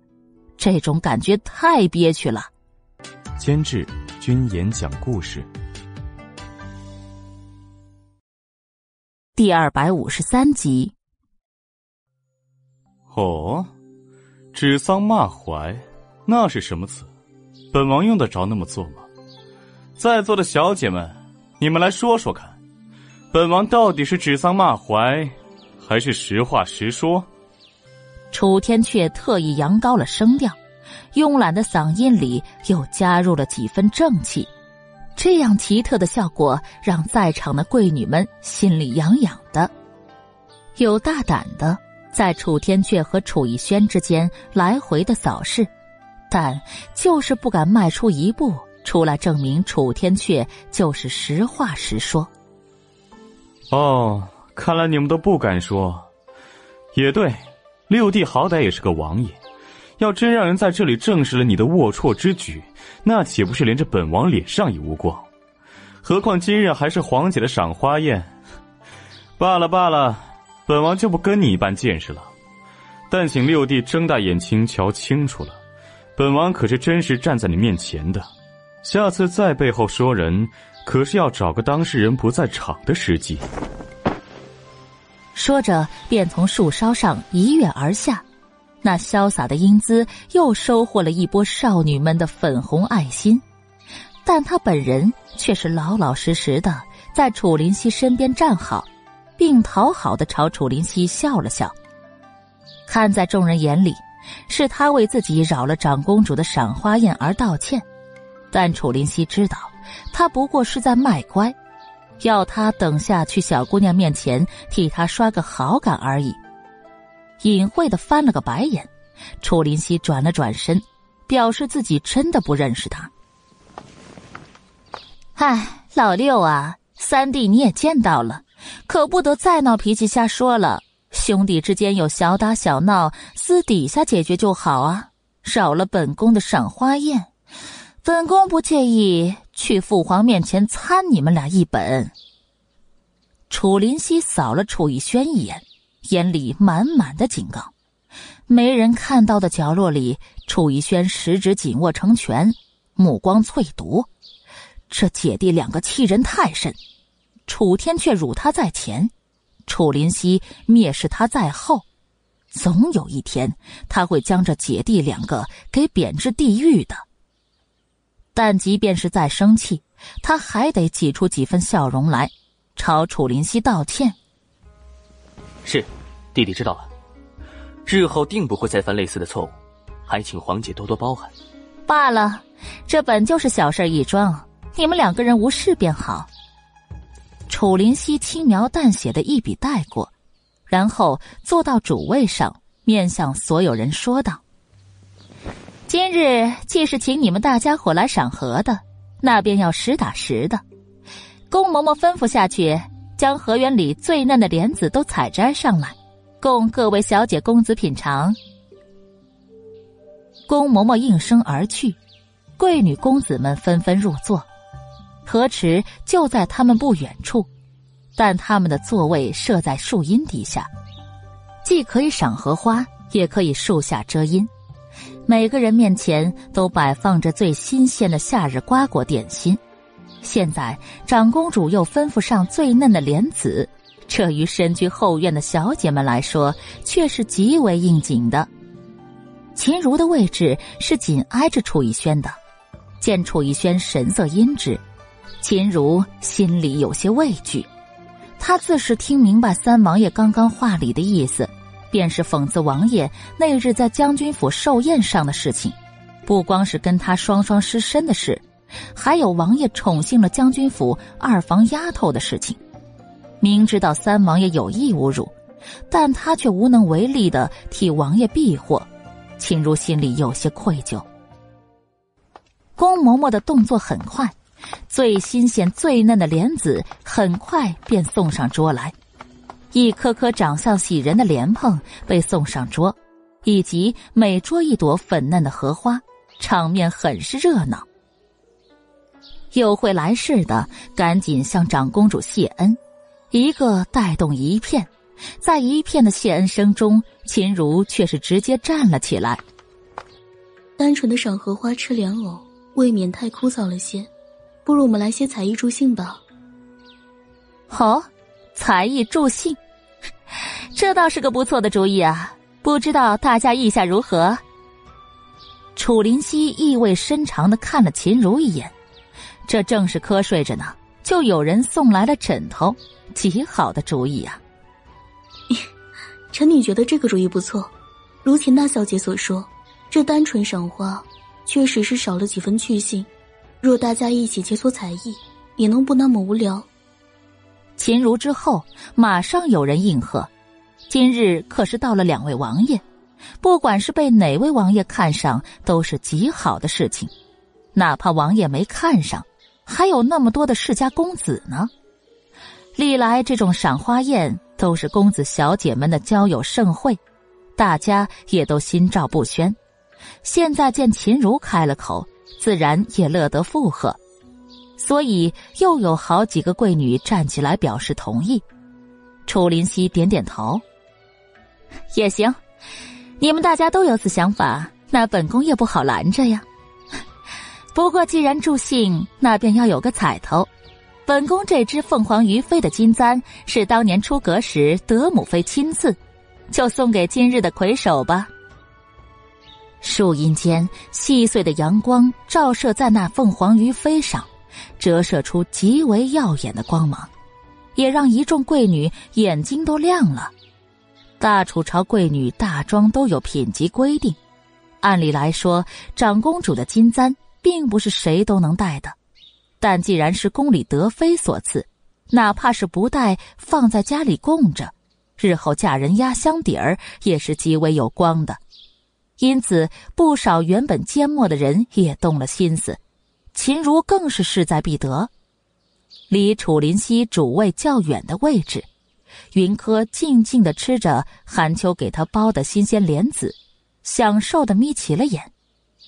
一旁的荣成目露宠溺的看着他，不着痕迹的将自己桌前的莲蓬悄悄的都放在了韩秋的手边。韩秋一愣，抬头看，见荣成正看向别处，似乎也只不过是随意之举。韩秋不语，继续剥莲子。但才准备拿过韩秋刚递过来的莲蓬，就发现有道极为锐利的目光射向了自己。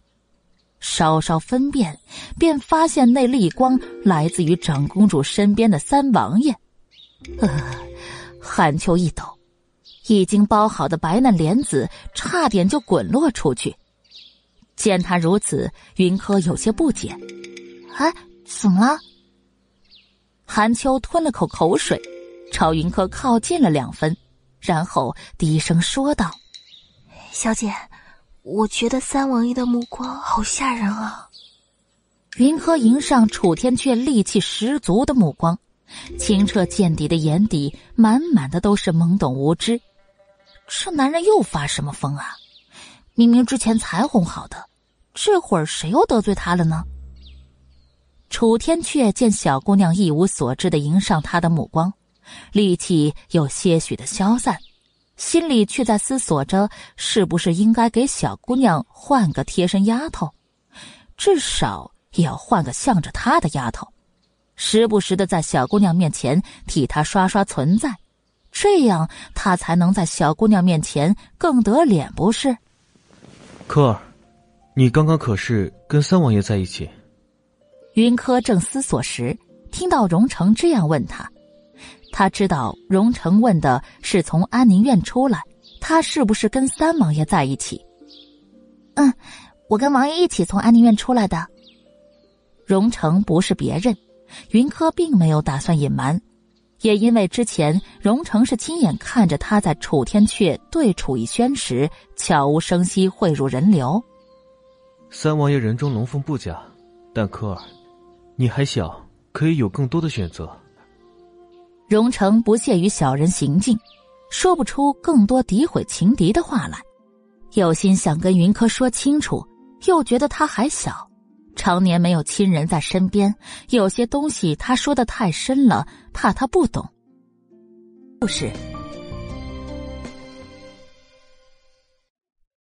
第二百五十四集，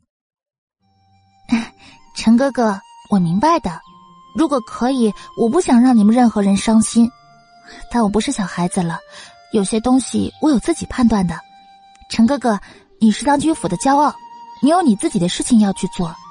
科尔相信你一定是可以的，你永远都是科尔的好哥哥。眼前的男人，他有着满心的智慧，他的才能并不仅仅是一个大理寺少卿就能实现的。只是如今将军府的困难处境让他屈服了，但如果给他机会，他定会有更广阔的天地。至于他的那份才开始松动的感情，云柯并不打算接受，也不能回应，只希望他能就此歇了心思，专心做自己的事情。荣成认真的看着云柯，见他眼里满是尊重。却唯独没有姑娘家的羞涩和依赖，眸色暗淡下来，心里说不出的失落。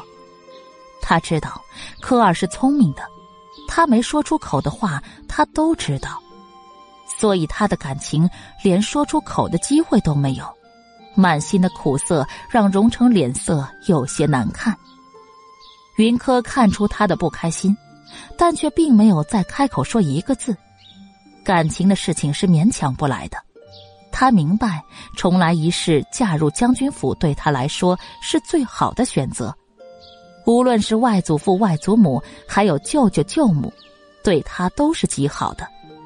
可这份好是亲人间的好，爱情和亲事不能相混淆的，所以他只能辜负程哥哥了。激烈的巴掌声吸引了云客的注意力。原来是已经有几个贵女上台展示过自己的才艺了。云柯又看了荣成一眼，见他仍旧垂着头，轻叹了口气。感情的事情只能自己想明白的。荣成旁边的荣琪并没有发现亲大哥与表妹之间的关系，兴冲冲的凑过来问云柯：“柯儿，你要不要也去表演一下？我还没见过柯儿跳舞的模样呢，定会秒杀这些胭脂酥粉的。”云柯嘴角一抽，他怎么不知道自己还会跳舞了，而且还能秒杀别人了？荣琪没看到云柯的异样，还当是小姑娘害羞，一个劲儿的怂恿。云柯忍无可忍，真的想直接对翻他，却见一个小人影出现在眼前。柯姐姐，你有没有空？能不能陪我玩会儿？莫瑶小包子一脸乖巧的站在云柯的桌前，极为认真的说道：“荣成和荣琪准备行礼，被莫瑶阻止，然后当着兄弟两个的面，直接将云柯给拉走了。”荣少卿和荣二少放心，本郡王跟云三小姐极为投缘，定不会伤着他的。见荣成面色不佳，小包子老气横秋的交代。荣成嘴角抽抽，也不能说啥，只能以眼神示意韩秋要保护好小姐。主位上的楚林熙看着自家儿子突然出现，将云柯给拉走，第一反应便是直接扫向楚天阙所在的位置，果然只见到了一个空座位。哎郡王，你找我可有什么事？公主府的小路上。云柯弓下身子，轻轻的问莫瑶，可小包子不回话，只一味的拉着他往前走。云柯不明所以，直到看到了某个妖孽的熟悉身影，才总算是明白。那人我已经给你接过来了，你说话要算话，要是再坑我，我就去请皇祖父为我和可姐姐赐婚。小包子垮着脸，一脸严肃的看着楚天阙。奶声奶气说的却是威胁的话，楚天却轻哼一声，示意天童将不相干的人给带出去。哎，你又闹什么脾气啊？被小包子带来，云柯心里便明白了几分。见他冷着脸，以为他又是吃醋闹脾气了，顿时有几分无奈。楚天却冷着脸，伸直手臂走到云客的面前，也不说话。可眼里却是明确的写着：“本王现在不开心，还不快来哄哄。”云客不动，他没有哄男人的习惯，前世没有，这事也还没有过。见他不动，楚天却脸色更差，执着的伸长手臂站在他的面前。刚刚荣成，是不是向你表白了？酸溜溜的话一出口。楚天却觉得心里更委屈了，趁着小姑娘没回答，他又补充：“你不让本王见光。”堂堂三王爷好不容易动心啊，还只能做个不见光的，有比他更憋屈的吗？答案当然是没有。楚天却觉得自己的委屈能上天了，可偏偏小姑娘就是不动声色，任由他一个人自顾自的委屈着。哎呀，将军府的处境如何，很是尴尬啊！要是让人知道我与你关系亲密，难免不会认为将军府投奔了你。若让将军府因此而遭遇了什么不好的事情，我就真的是万死难辞其咎了。云柯站起身，并没有直接投入到楚天阙的怀里，而是往窗户边走了几步。刚刚莫瑶还拉着他左转右转，又上楼下梯的。现在他们所在的位置竟然就在河源附近，从窗户边看，却还能凌空俯视那些表现的贵女们。那你为了他们的安危，就准备让本王一辈子都见不得光？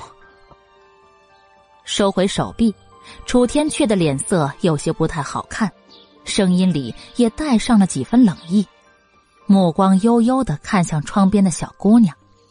云柯回头迎上他幽冷的目光，被那冰冷的温度冻得一缩，上前几步主动投入他的怀抱。怎么会呢？我已经拒绝陈哥哥了，他是将军府所有的希望，将军府是我娘的亲人，也是对我极好的人，我不想他们有事啊。可我也不想你有事，不想你早早的离开我，我只想一辈子都能瞧见你。将军府于他而言是不可或缺的亲人，而他是他愧疚了两辈子的人，这辈子他要好好的守在他身边，不让他早早的死去。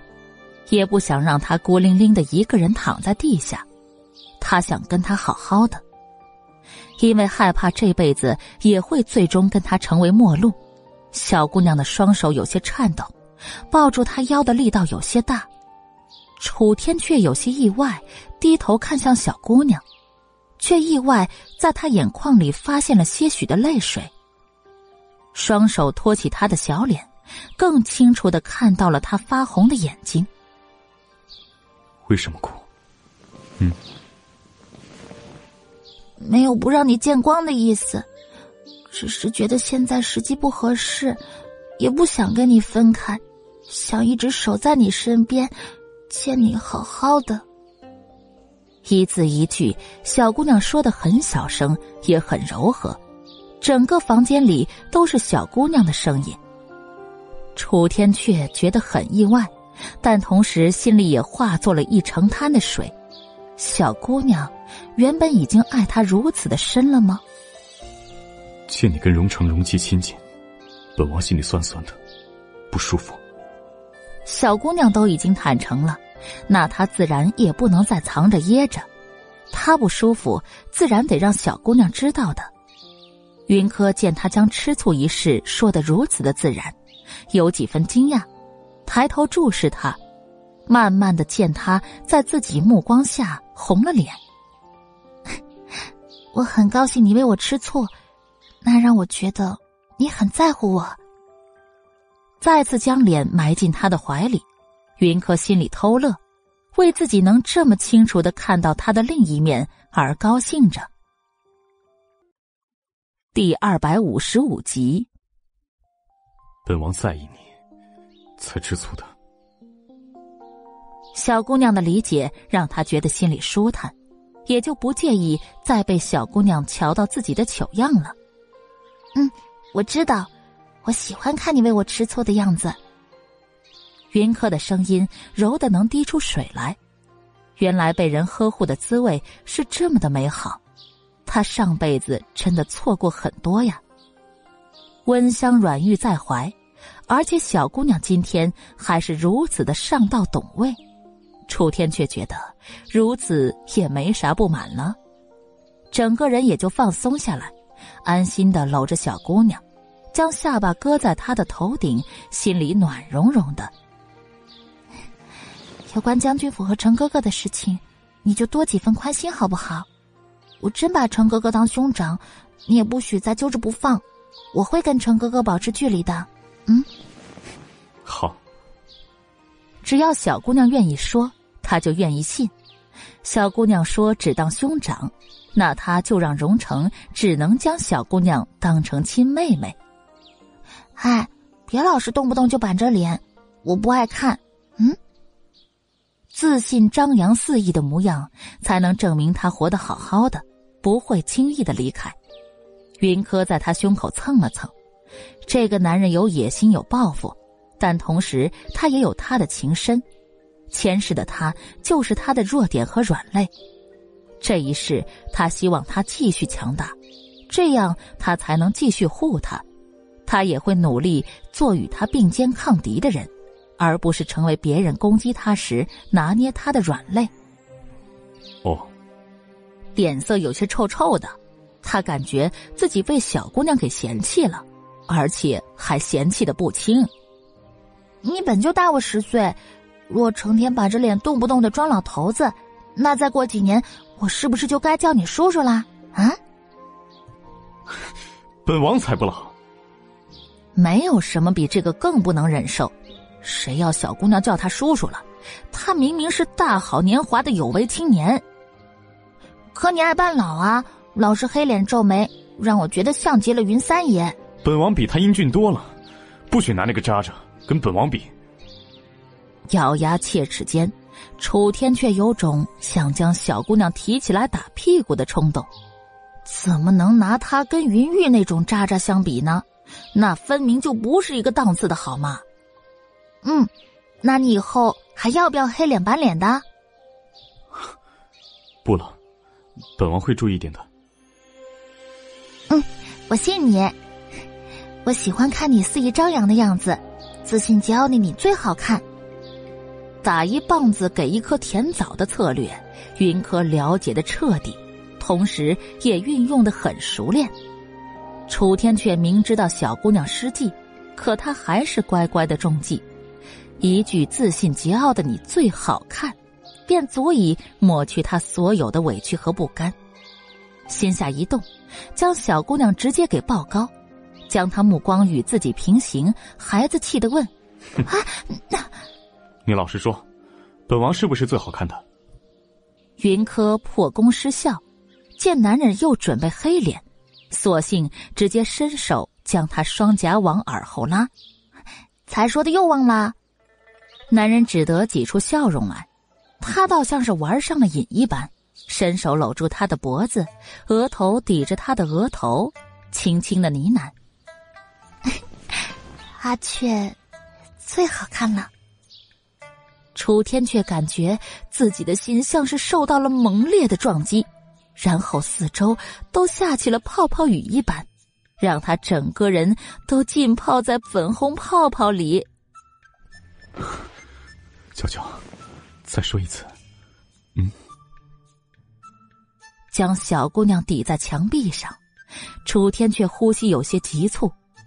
偏偏小姑娘害了羞，怎么都不愿意再开口。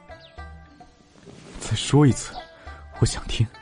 好，娇娇，娇娇。哎呀，不说了，不说了。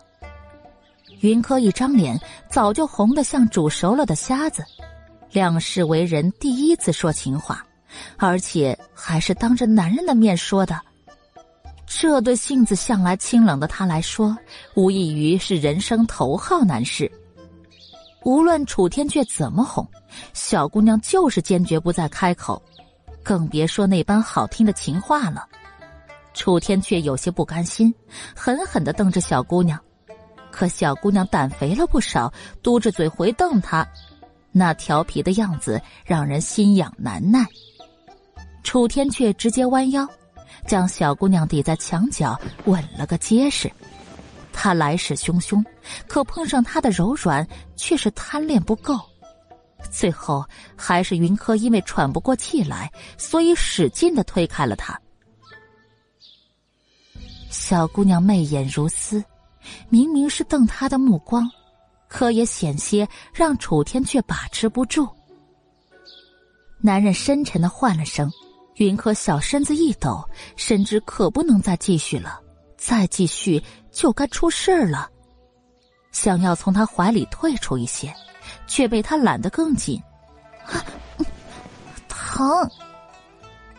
云柯双手撑住他的胸膛，楚天却无奈，只得松开几分，双臂紧锁，转向小姑娘的小蛮腰。以后，只准你撩本王。不许让别的男人见你丝毫风采，可明白？云柯不语，似有些不太明白“撩”的含义。楚天却着急上火，小姑娘沉默是什么意思啊？莫不是还准备去勾引别的男人不成？娇娇，又加重声音提醒了一句。楚天却觉得，唉。恋爱中的男人都是个傻的，不仅如此，还容易患得患失。他就是一个典型的例子。嗯，小姑娘总算是轻轻的嗯了一声，算是回答了他的警告。楚天却心里平衡下来。楼下河园里阵阵喝彩和口哨声引起了两人的注意。云柯示意楚天却放开他，让他去瞧瞧下面。楚天阙倒是接受他的示意了，但却是直接将他抱在怀里，然后两人一起靠近窗边。河园里临时清出来的表演场地里，秦如气喘吁吁的结束舞蹈动作，满眼爱意的看向楚逸轩，四周响起阵阵喝彩声，不少的公子少爷们都艳羡的看向楚逸轩。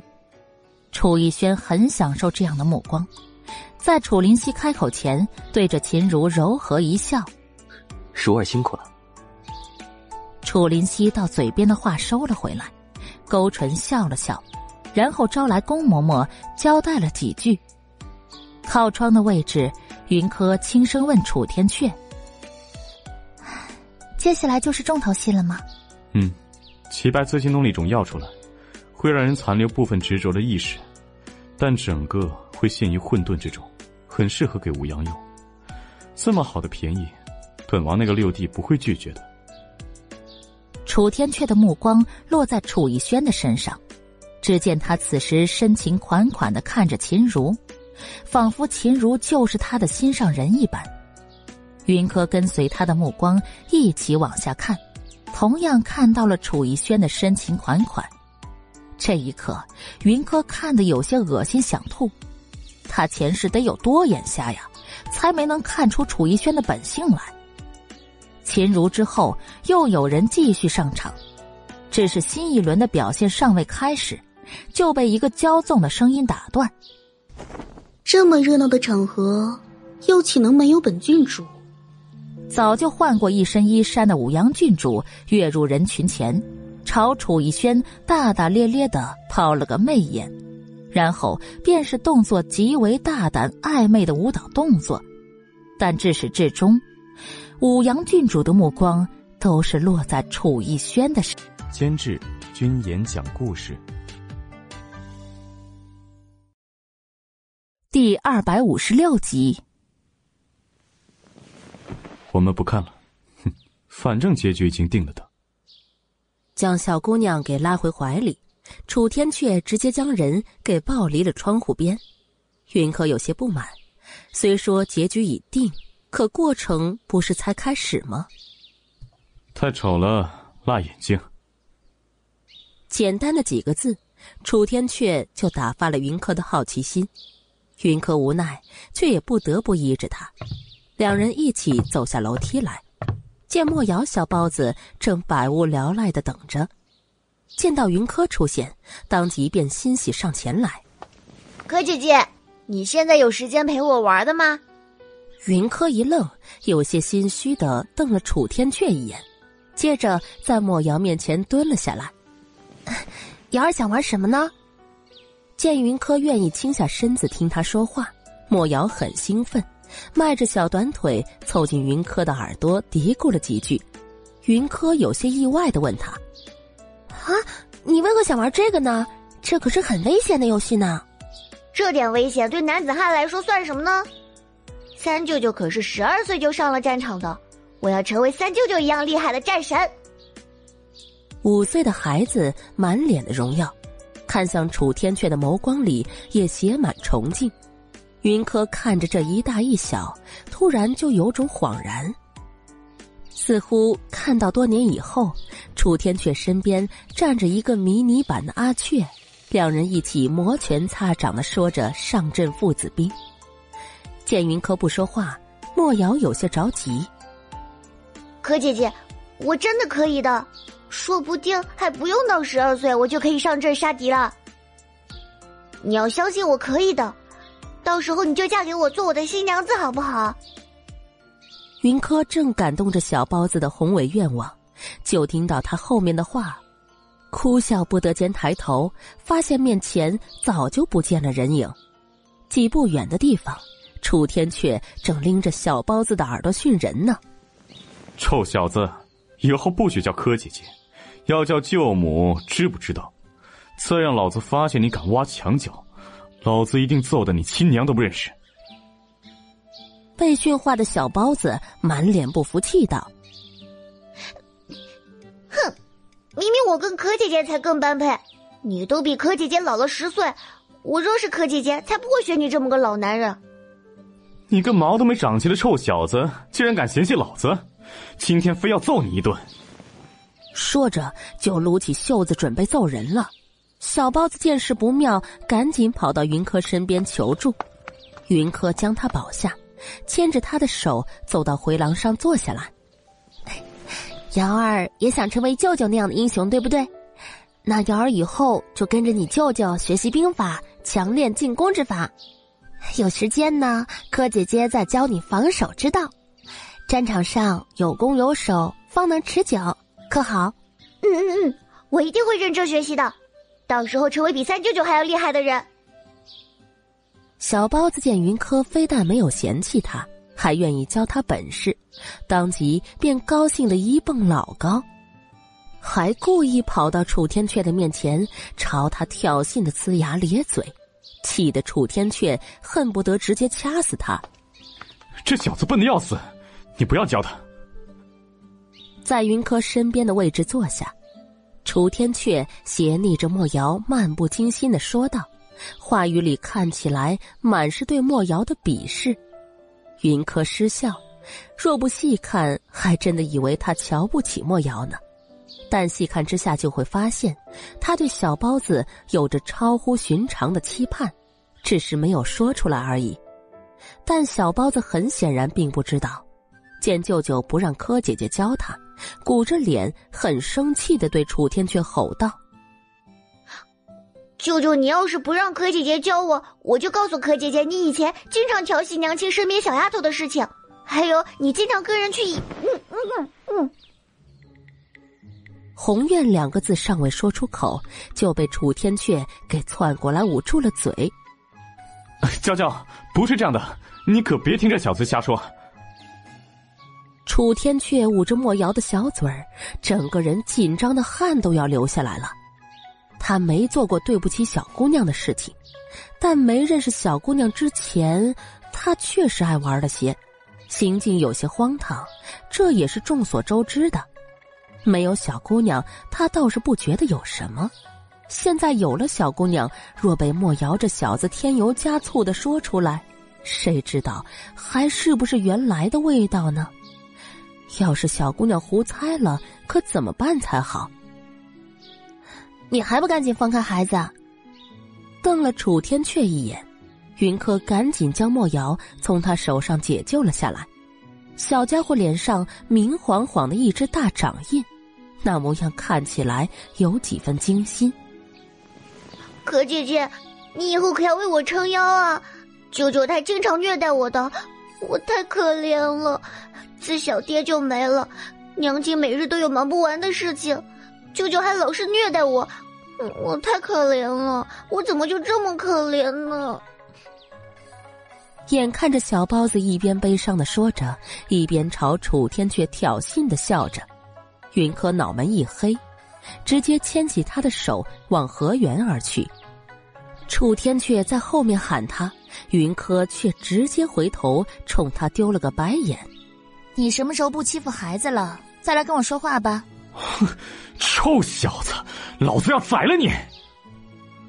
楚天阙气得哇哇叫，莫瑶小身板抖了抖，但仍不忘回头朝楚天阙吐了吐舌头，做个鬼脸。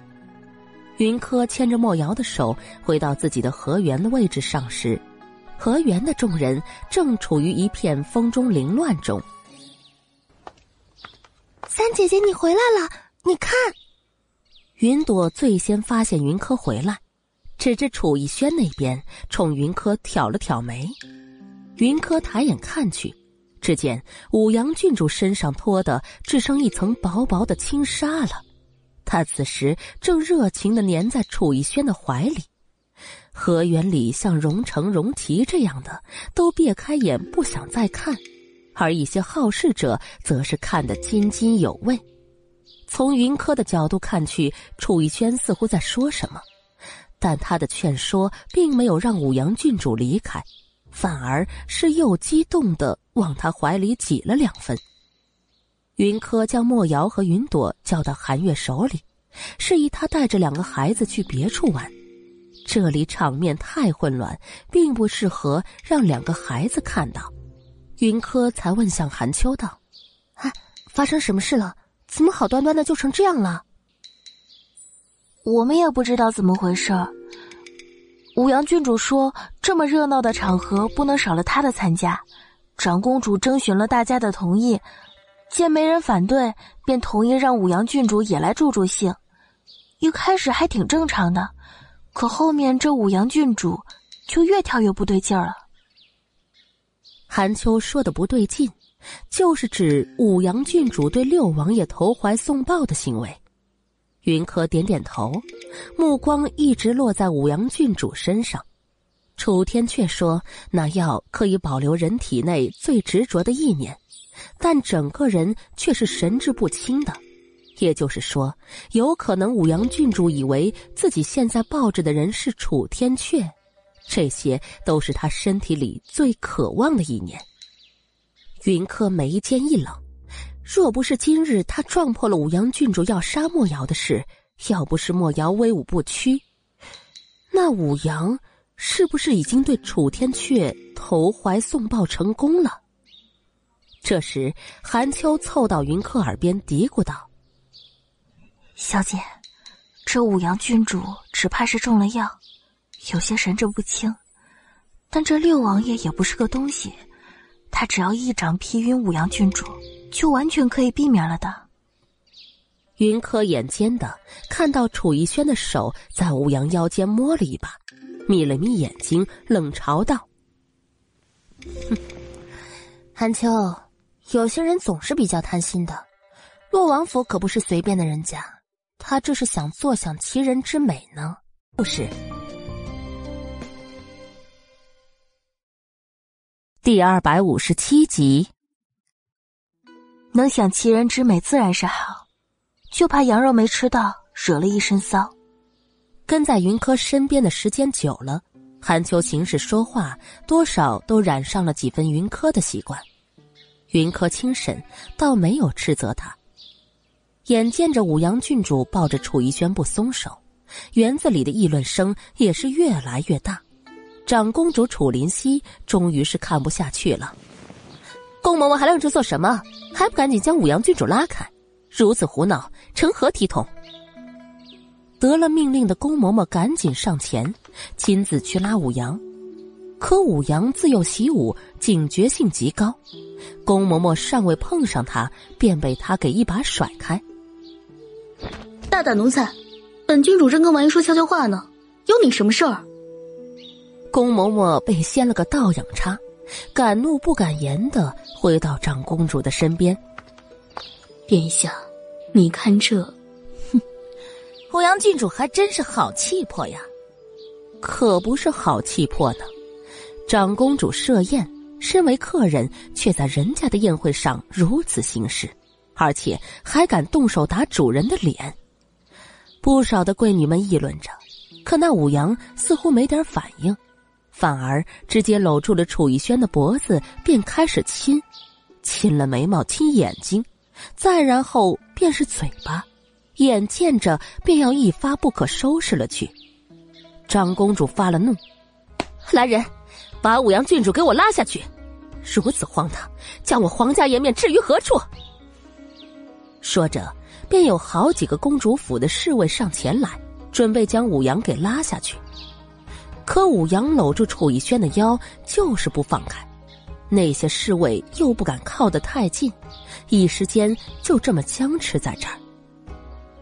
眼见着楚灵溪脸色阴沉下来，武阳郡主的唇马上就要亲上来了。楚逸轩用手捂住武阳郡主的红唇，撇开了脑袋，朝楚灵溪说道：“皇姐，武阳似乎不太舒服，不如……”找个房间让他先休息一下。楚逸轩能明显的感觉到怀里人温度的升高，他并不蠢，能隐约感觉到事情的不寻常之处，心里也是万般的纠结。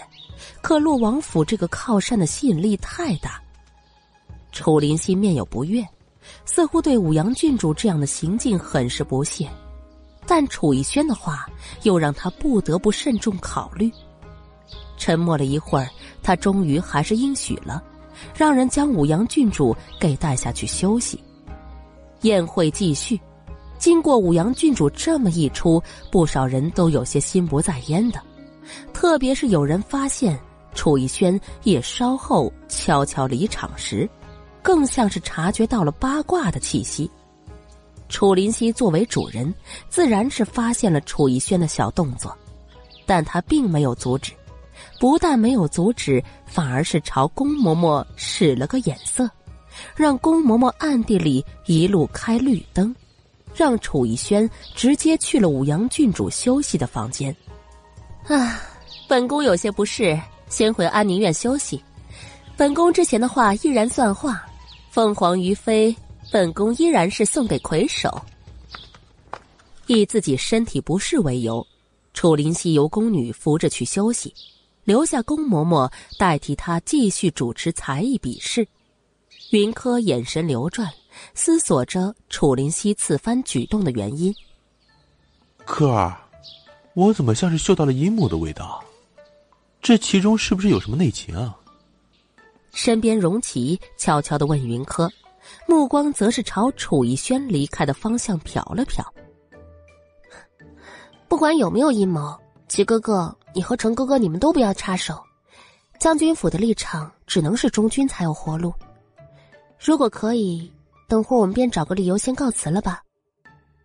云柯没有明说，但荣成和荣琪都不是蠢的，自然知道他这话里的意思。荣琪看看亲亲表妹，又看看大哥。见他们二人都是一脸的严肃，我明白了，谢谢你，柯儿。荣成比荣琪想的深远，明白云柯所说定是有所指，稍稍思忖，便能隐约猜出今日长公主和三王爷之举。这样的情况下，他们自是不能久留。于是兄妹三人一起去向长公主辞行，但是安宁院的下人说。长公主身子乏了，不便再见外客，他们三人便离开长公主府。莫瑶小包子见云柯要走，眼泪巴巴的，不愿意放手。最后还是云柯告诉他，有时间可以直接去定国侯府找他，才终于是放手让云柯离去。兄弟两个将云柯亲自送到定国侯府大门口，便打道回府。刚跨过大门的云柯，便见王总管匆匆而来。三小姐，老夫人有请。云朵一听，有些慌乱的拽了拽云柯的手臂，悄声说道：“哎，三姐姐怎么办啊？老夫人是要兴师问罪吗？”云芝被扔出长公主府的事情，虽然没有在长公主府大肆宣传，但当时看到的人那么多。今日过后，整个将军府都会传遍。至于定国侯府，因为云芝的提前回来，福寿堂里肯定也是知道了的。至少云芝回来会如何向老夫人颠倒黑白，这已经是显而易见的事情了。云柯冷笑一声，对于这样的情况，他并不陌生。我知道了，回锦院换身衣裳。便会去福寿堂向老夫人请安。云柯脚步不停，继续往锦院的方向走去。三小姐，老夫人的意思是你一回来，马上立刻去福寿堂。王总管微垂着头不说话，若细看便会发现他整个人都有些紧张，或者说他在害怕，害怕云柯的犀利冰冷的目光。可一边是掌管府里生杀大权的老夫人，一边是表面人小言微但实际杀伤力巨大的三小姐，她也很为难的。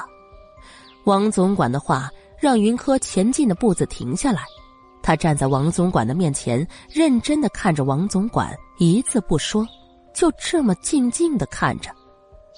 王总管身子一抖，又来了。三小姐这样明明什么都没说，但却又让人觉得喉咙被勒紧的感觉又来了。云柯朝王总管走一步，王总管就往后退一步，一进一退，但王总管却是整个人都在发虚。三三小姐，你别紧张，想来老夫人也只是单纯的问一下长公主府发生的事情。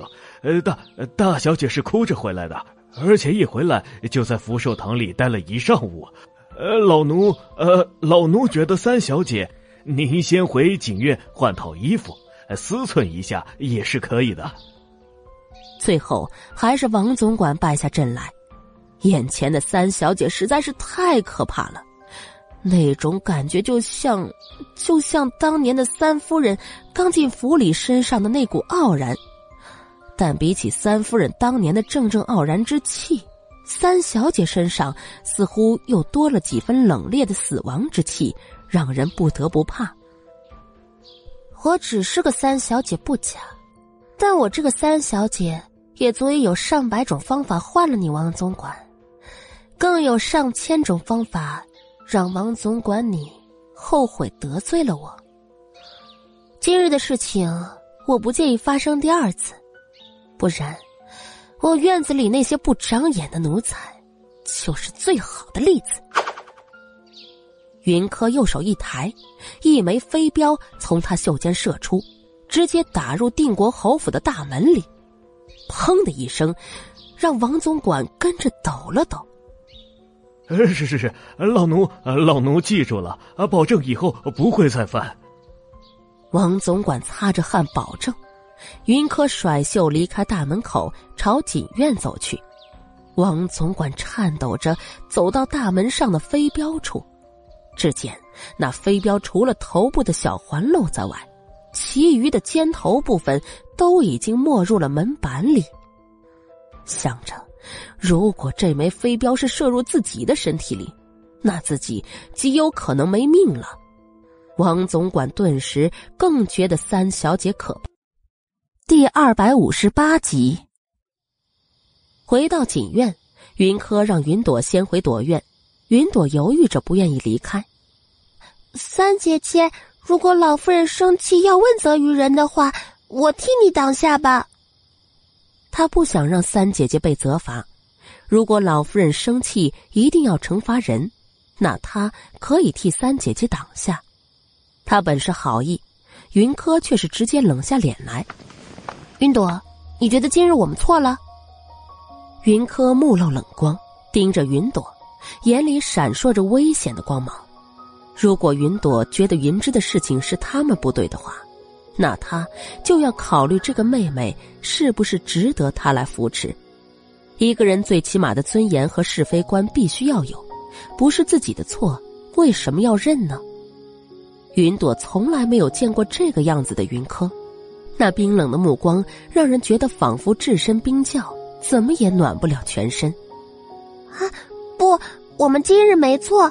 大姐姐抛下我们先去长公主府，这是大小姐不顾姐妹情谊在先，我们没错。大姐姐被赶出长公主府，是因为她自己行为不端，得罪了三王爷。我们只不过是充当了一个过客，我们也没有错。在云柯冰冷的目光下。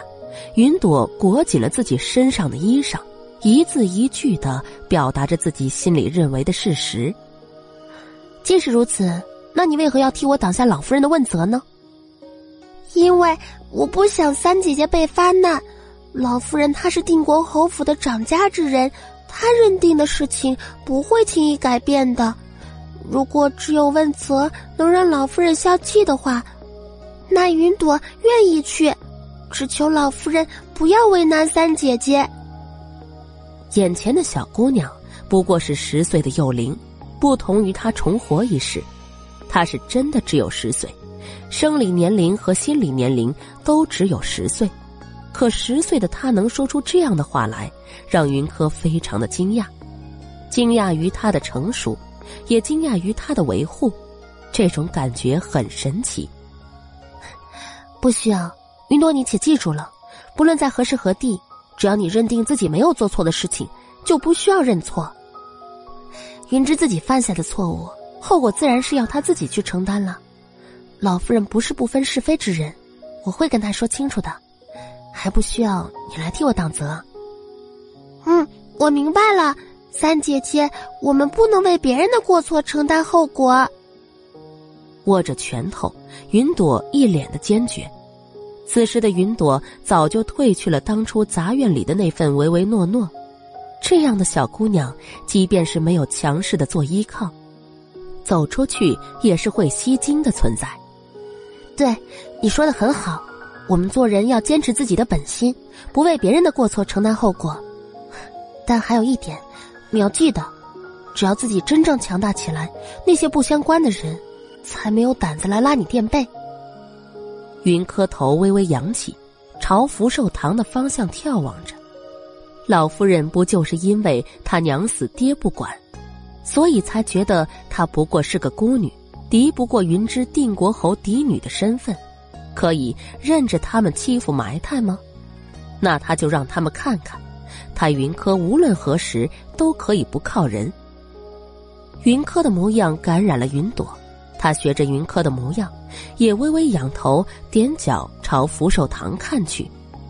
云柯眼睛余光注意到他的动作，有些失笑，收回目光，认真的摸了摸他的头，道：“你回去吧，姨娘肯定是担心你了的。老夫人那里我会搞定的。你有时间就多看看书吧，不要信奉‘女子无才便是德’的鬼话，学到脑子里的东西才是自己的，可明白？”“嗯，三姐姐，我明白了，我会努力变得跟你一样优秀的。”于云朵而言。三姐云柯便是这世间最优秀的存在，她的人生目标便是跟三姐姐一样的优秀。对于她这志气十足的话，云柯笑而不语，吩咐韩心将云朵送回朵院，他自己则是回内室，让韩秋给他挑了件玫红色的长裙换上。小姐，韩秋有些意外。小姐向来不喜欢这样明艳的颜色，平时连鹅黄、湖蓝色都少穿，今日怎么反而选了这玫红色呢？云柯不语，换好衣服后，又让韩露替她化了个大妆，那妆比之前去长公主府还要来的浓烈严谨。韩秋莫忖，似明白了什么一般，于是，在云柯出门时，又替他在腰间挂了两块蓝田玉。玉都是好玉，也是极为名贵的玉，是蓝衣师傅平时都舍不得的珍藏。云柯见韩秋此举，会心一笑，明白韩秋这是懂他意思了。依旧是韩秋陪着云柯去福寿堂，不同于往日云柯去福寿堂，要么是张嬷嬷在门守着，要么就是老夫人身边最得力的大丫头候着。今日的福寿堂门口安静一片。见云柯来，原本在廊下忙碌的小丫头们，都像是没看见一般，各自做着各自的事情，聊着天，说着各院的八卦，那模样很明显是在忽略他。向来安静的韩秋，这会儿都觉得有些看不下去，放开云柯的手就想上前去教训，却被云柯用眼神制止。下人的行为向来都是根据主人的意思来揣测的，这些下人在老夫人的眼皮子底下做事，会如此的大胆，肯定是老夫人漏了话音儿的。云柯不是不生气，而是他明白此时生气也没用，说不定还会给老夫人一个可以质问他的理由。见云柯主仆二人光生气也不发怒，那些下人有些失望。但也还没大胆到主动挑衅的地步，任由云柯和韩秋走过身前。屋子里，老夫人正靠在宽敞的椅子里假寐，云芝则是一脸孝顺的靠在她的膝边，为她按摩捶腿。一旁的张嬷嬷则正给老夫人捏着肩。屋子里的一切看起来都是极为的和谐。云柯的到来打破了这份安静。让人有所不喜。云芝抬头朝云柯轻蔑一笑，并没有要提醒老夫人云柯已经来了的意思。云柯也不怒，进了屋子便直接找了张椅子坐了下来。韩秋也极有眼色的替自家小主子打着扇子。端阳刚过，天气正是炎热的时候，老夫人上了年纪，又有些风湿关节痛。所以屋子里并没有放置冰块，仅仅是靠打开窗户，并不能缓解屋子里的燥热。云芝来了不短的时间，又因为替老夫人捶腿，早就是热得出了汗，但因为老夫人并没有让停下来，她也不敢停，屈着双腿早就发了麻。但见云柯一来就直接坐下，而且还敢让丫头给他打扇，心里哪里还气得过呀？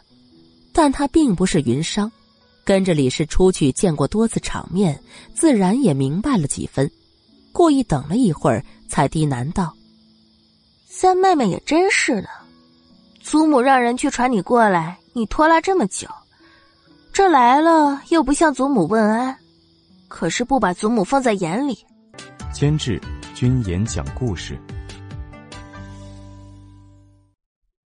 第二百五十九集。老夫人原本就一直在等云柯，之前听王总管说云柯不顾他的命令，执意要回锦院换身衣服再来。老夫人心里的怒气也一直积攒着，这会儿见云柯进屋许久也不问安，反而是怡然自得的坐下了，这怒气更盛。可他一直眯着眼睛装睡觉，这突然醒过来很是不妥。恰好云芝的话给了他台阶下，只见他这会儿缓缓睁开眼来，入眼的便是云柯那精致的小脸。以及分外明艳的妆容和打扮，老夫人有片刻的晃神。眼前的少女不过豆蔻年华，但她眉间的沉稳和冷静却完全不是这个年纪所该有的。跟容黛有八分相像的容貌，此刻因为加入了很多自己的情绪在，反而让她不是那么像容黛，不像容黛，更不像儿子荣玉。眼前的少女是极为陌生的，云柯自然是有感觉到老夫人对他的打量，他抬头朝老夫人明艳一笑，那明显的笑容让老夫人甚至有些不敢直视了。云柯见过老夫人，不知老夫人如此着急的让人通知云柯前来，可是有急事？自从发觉老夫人并不是真心为他后。云柯就再也没有叫过一声祖母了，哪怕祖母这个称呼在定国侯府来说是一种荣耀的象征。放肆！有你这样跟长辈说话的吗？兰姨就是这样教你规矩的吗？老夫人掌家多年，自认为定国侯府的一切都在自己的掌握之中，自是不容许底下有人挑衅她的权威的。但偏偏云柯是异类，自他进屋子起，别说请安了，就连个敬畏的眼神都没有。就包括现在，老夫人跟他说话，他仍旧是坐在椅子上的。古人云：“子不教，父之过。”老夫人觉得我如此对你说话就是放肆，那也怪不得我呀。自小便没人教我要如何跟你说话，不是？众人皆知我云柯是个娘死爹不疼的可怜虫。这样的一个人，又如何知道规矩呢？我师傅当然有教我规矩，但他教的并不是你定国侯府的规矩啊。子不教父之过，他云柯如此桀骜不讲规矩，那是因为云玉这个做人老子的都不够讲规矩。这话老夫人自然是听得明白的，也看明白了云柯眼里明晃晃的讽刺，当即便是一巴掌拍在桌子上。大骂了一声：“孽畜！”嗯，大畜生生的小畜生罢了。云柯不怒反笑，轻盈盈的笑意在他绝色的小脸上显得尤为的好看。你，老夫人几时被这样的后辈气过？当即便指着云柯说不出多余的话来。云芝一直旁观着。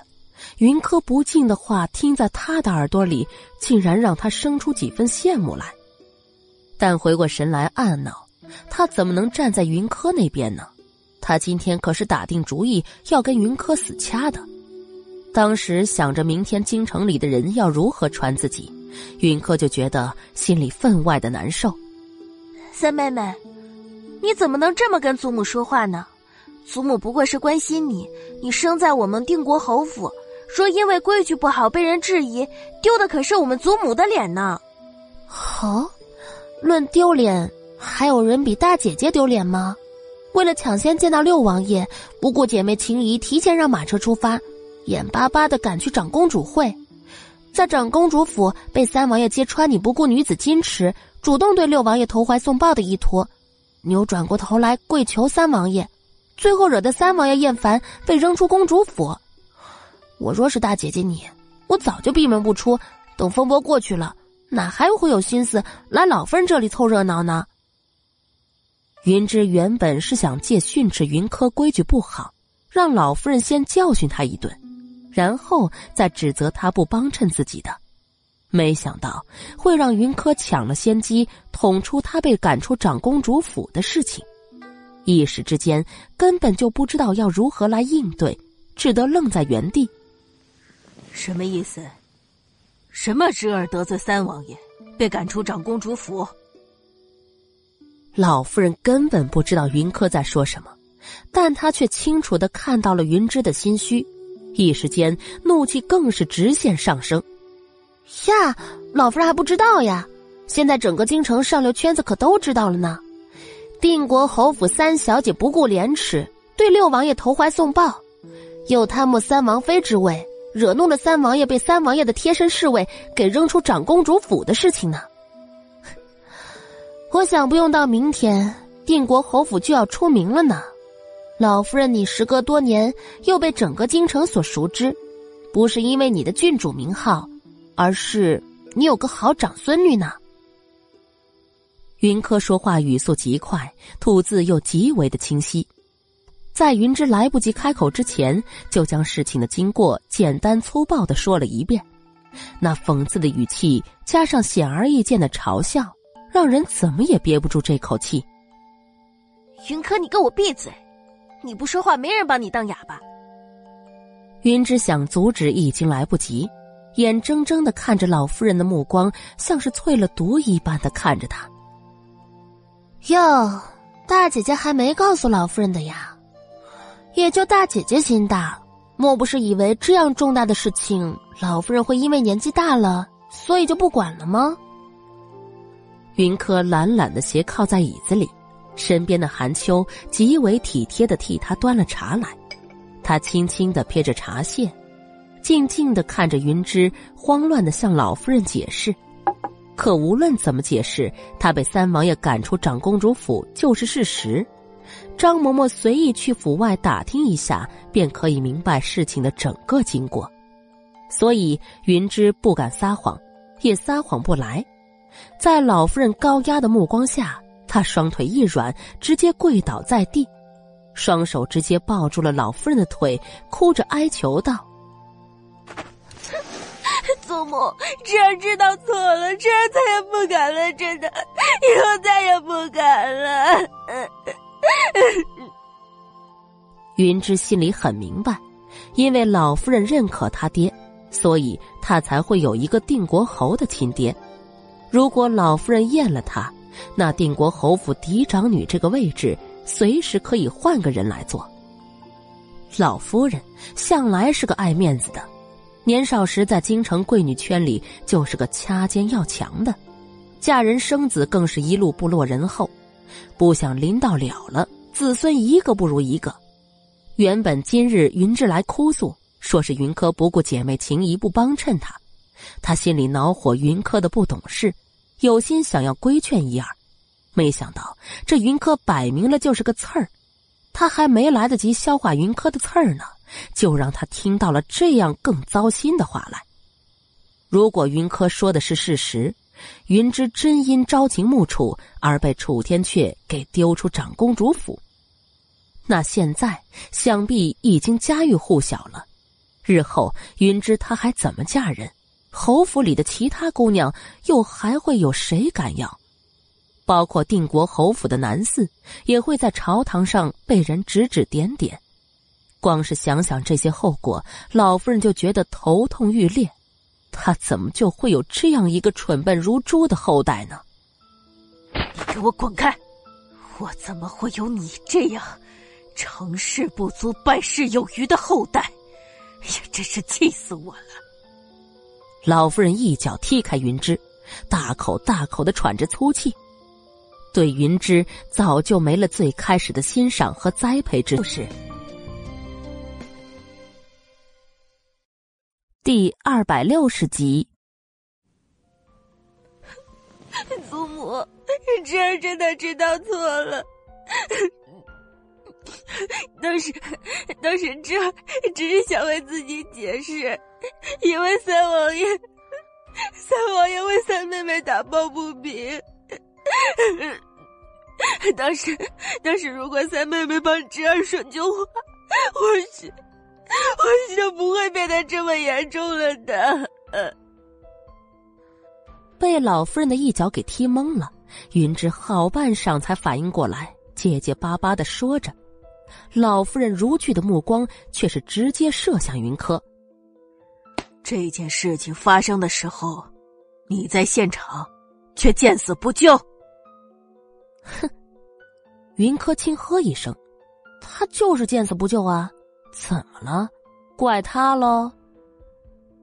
你那是什么态度？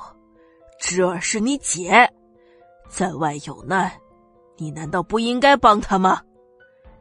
别忘了，你们可是一脉的，他名声坏了，你的又能好到哪里去？”老夫人更生气了。云芝不懂事，败坏自己和定国侯府的名声，她生气；但云柯不顾姐妹情谊，见死不救，这性质更为恶劣。唉，洛老夫人啊，我想有几点你可能不太清楚。第一，他云之有难是自己作出来的，当所有人都眼瞎呀？看不出他眼里装的都是六王爷吗？尚未出阁就如此的耐不住寂寞勾搭男人，他还有理了？第二，不过姐妹情谊的人真不是我。你若想当耳聋之人，听不到王总管禀报的事实，我也不怪你。反正你老了嘛，但老人就应该有老人的样子啊，不要倚老卖老，做惹人嫌的事情。别说我没那个本事帮云芝，就算是我有本事，我为何要帮一个恨不得我丢人、恨不得要我死的女人？我又不是个傻的。第三，他的名声坏了也是他个人，我凭什么要受他影响呢？我会不会好到哪里去，更不是要老夫人你操心的问题。老夫人不是真心为他打算，云柯早就知道了，但现在老夫人明知道云芝故意抛下他去长公主府的事情，还来指责他没有帮衬云芝，这让云柯还真的是无法苟同了。一个老人家不懂得自爱。那他没有义务来教，其他云科之人他都不会放过，哪怕那人是老夫人。云柯，你好大的胆子啊！你真以为我收拾不了你吗？老夫人被云柯气狠了，拍案而起，怒视着云柯，那模样仿佛云柯就是个大逆不道之人。云柯也将手里的茶杯重重的放在桌子上。起身走到老夫人面前站好，因为自幼习武，他的身高比长他三岁的云芝还要高上几分。此时站在老夫人面前，也完全不输人。老夫人，自我回京，我一直告诉自己，你是真心为我之人，也是府里唯一一个明事理的人，我理应对你好。知道我没有娘亲教导，你定会耐心教我定国侯府规矩。京城里的人文世故，我也一定在等着你来教导我。可是呢，你并没有，你不但没有把我当成这定国侯府的一份子，反而将我当一个仇敌来防患着。荣巧欺我辱我，你放任自由；云芝毁我污我，你反而用道德来绑架我。你这样的祖母，我云柯不稀罕，也不想要。你要真认为自己有个本事可以收拾我，那就来吧。反正我不过是个娘死爹不疼的光脚之人，还怕你们穿鞋的不成？这是云柯第一次说这么多话，他冷着眼看着老夫人，身上的玫红色长裙将她的小脸映得更加的明艳不可方物，精致的五官让人移不开眼来。老夫人唇角抽动，这本应该是她最出色的孙女，可为何会与她怒目相向呢？老夫人瘫软着身子坐回位子里，云柯轻哼一声，转身。哼，我云柯从不主动欺人，但也不会拒人。你们若觉得我云柯无人庇护便很好欺的话，大可来试试。空气下风浮动，也成功的将云柯留下来的话语给吹散。老夫人阴沉着脸坐在原位上不说话，云芝整个人缩成一团，降低自己的存在。整个福寿堂都笼罩在一团阴郁之气中。老夫人，张嬷嬷见老夫人面色阴沉，有些担心的轻唤了一声，便见老夫人仰头长叹了一声：“唉，冤家呀！原本以为定国侯府出的都是些窝囊辈。”却没想到，唯一一个我看上眼的，却是个如此孽障。老夫人捶胸顿足不已，却没有发现云芝眼里泛起的浓浓恨意。为什么？为什么所有的人都认为云柯比她好？明明她才是定国侯府的嫡长女，更是闻名京城的才女。可自从云柯回来，她所有的光芒都消散，如今更是被京城的上流社会所唾弃。这一切都是云柯害的，他不会放过云柯的，永远不会。云柯不知道他走后老夫人说的话，从福寿堂回来，他直接就睡下了。这一觉睡得很沉，隐约间似乎又做了一个梦。梦见前世他死后，楚逸轩确实抬了荣巧母女和荣家二房，但却没有将云商封为后，而是立了云芝为后。整个定国侯府成了皇后娘家，一时间风光无限。梦中的云柯有些不明白，前世的云芝明明是跟人私奔了的，为何到头来却会跟楚逸轩扯上关系？他拼命的想去查清楚。为何云芝会成为楚逸轩的皇后？但却总是因为层层原因而不得知。云柯醒来时又是一身冷汗。天黑了，韩秋进来掌灯，见他头发湿黏黏的，吓了一跳。小姐，你没事吧？云柯回神，愣愣的问韩秋：“你说，到底是什么原因？”让一个男人不介意接手别人的妻子。韩秋呆愣过后，迅速的回神，稍微思虑，谨慎的回答道：“要么深爱，要么就是那个妻子原本就一直是他的女人。”云柯如遭雷击一般，楚逸轩的性子让他不可能会一生深爱一个女人。前世他的后宫可是塞得满满的，那么便只有一个可能。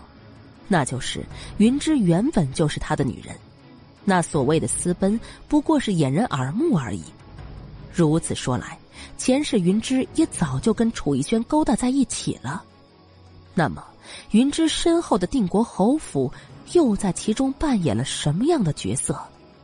将军府满门被杀，定国侯府是不是也在其中推波助澜了？想通了这些，云芝只觉得自己全身冰冷。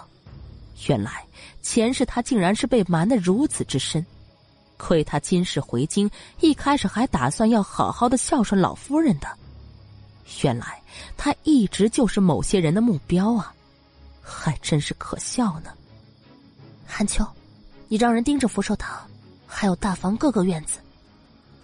冷静下来的云柯当即吩咐道。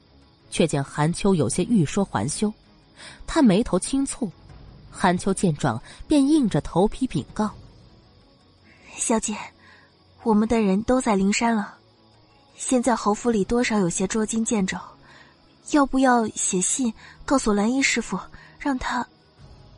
云柯一滞，对呀，他精心培养的人都在灵山了，这定国侯府里他根基尚未稳，做事不能太过仓促。一切得从长计议。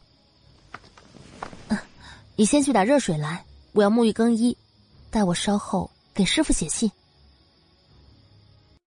第二百六十一集。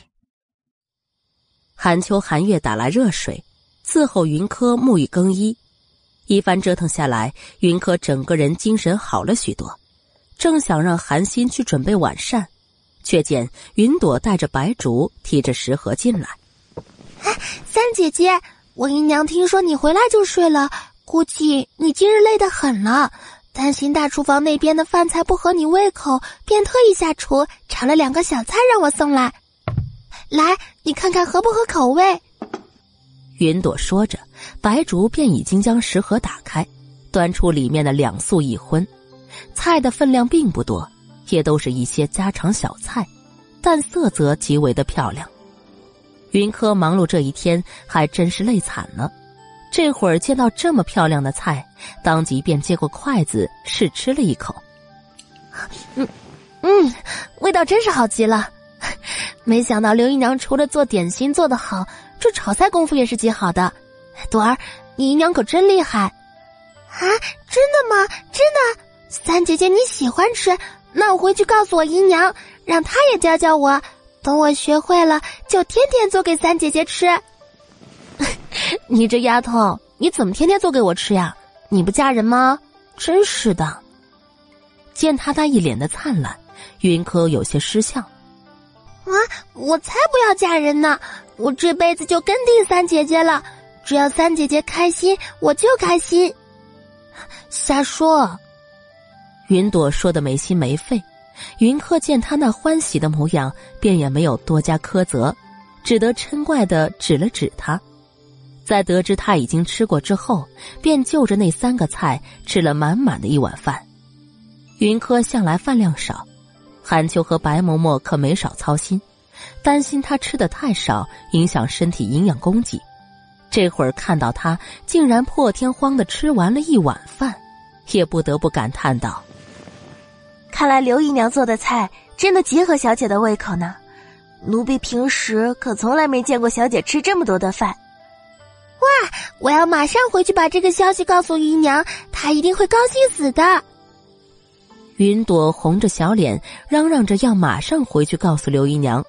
云柯摇摇头，示意韩月送她回朵院，并要韩秋准备些谢礼一并送过去。刘姨娘每次送点心或者吃食过来，她都不曾亏待过。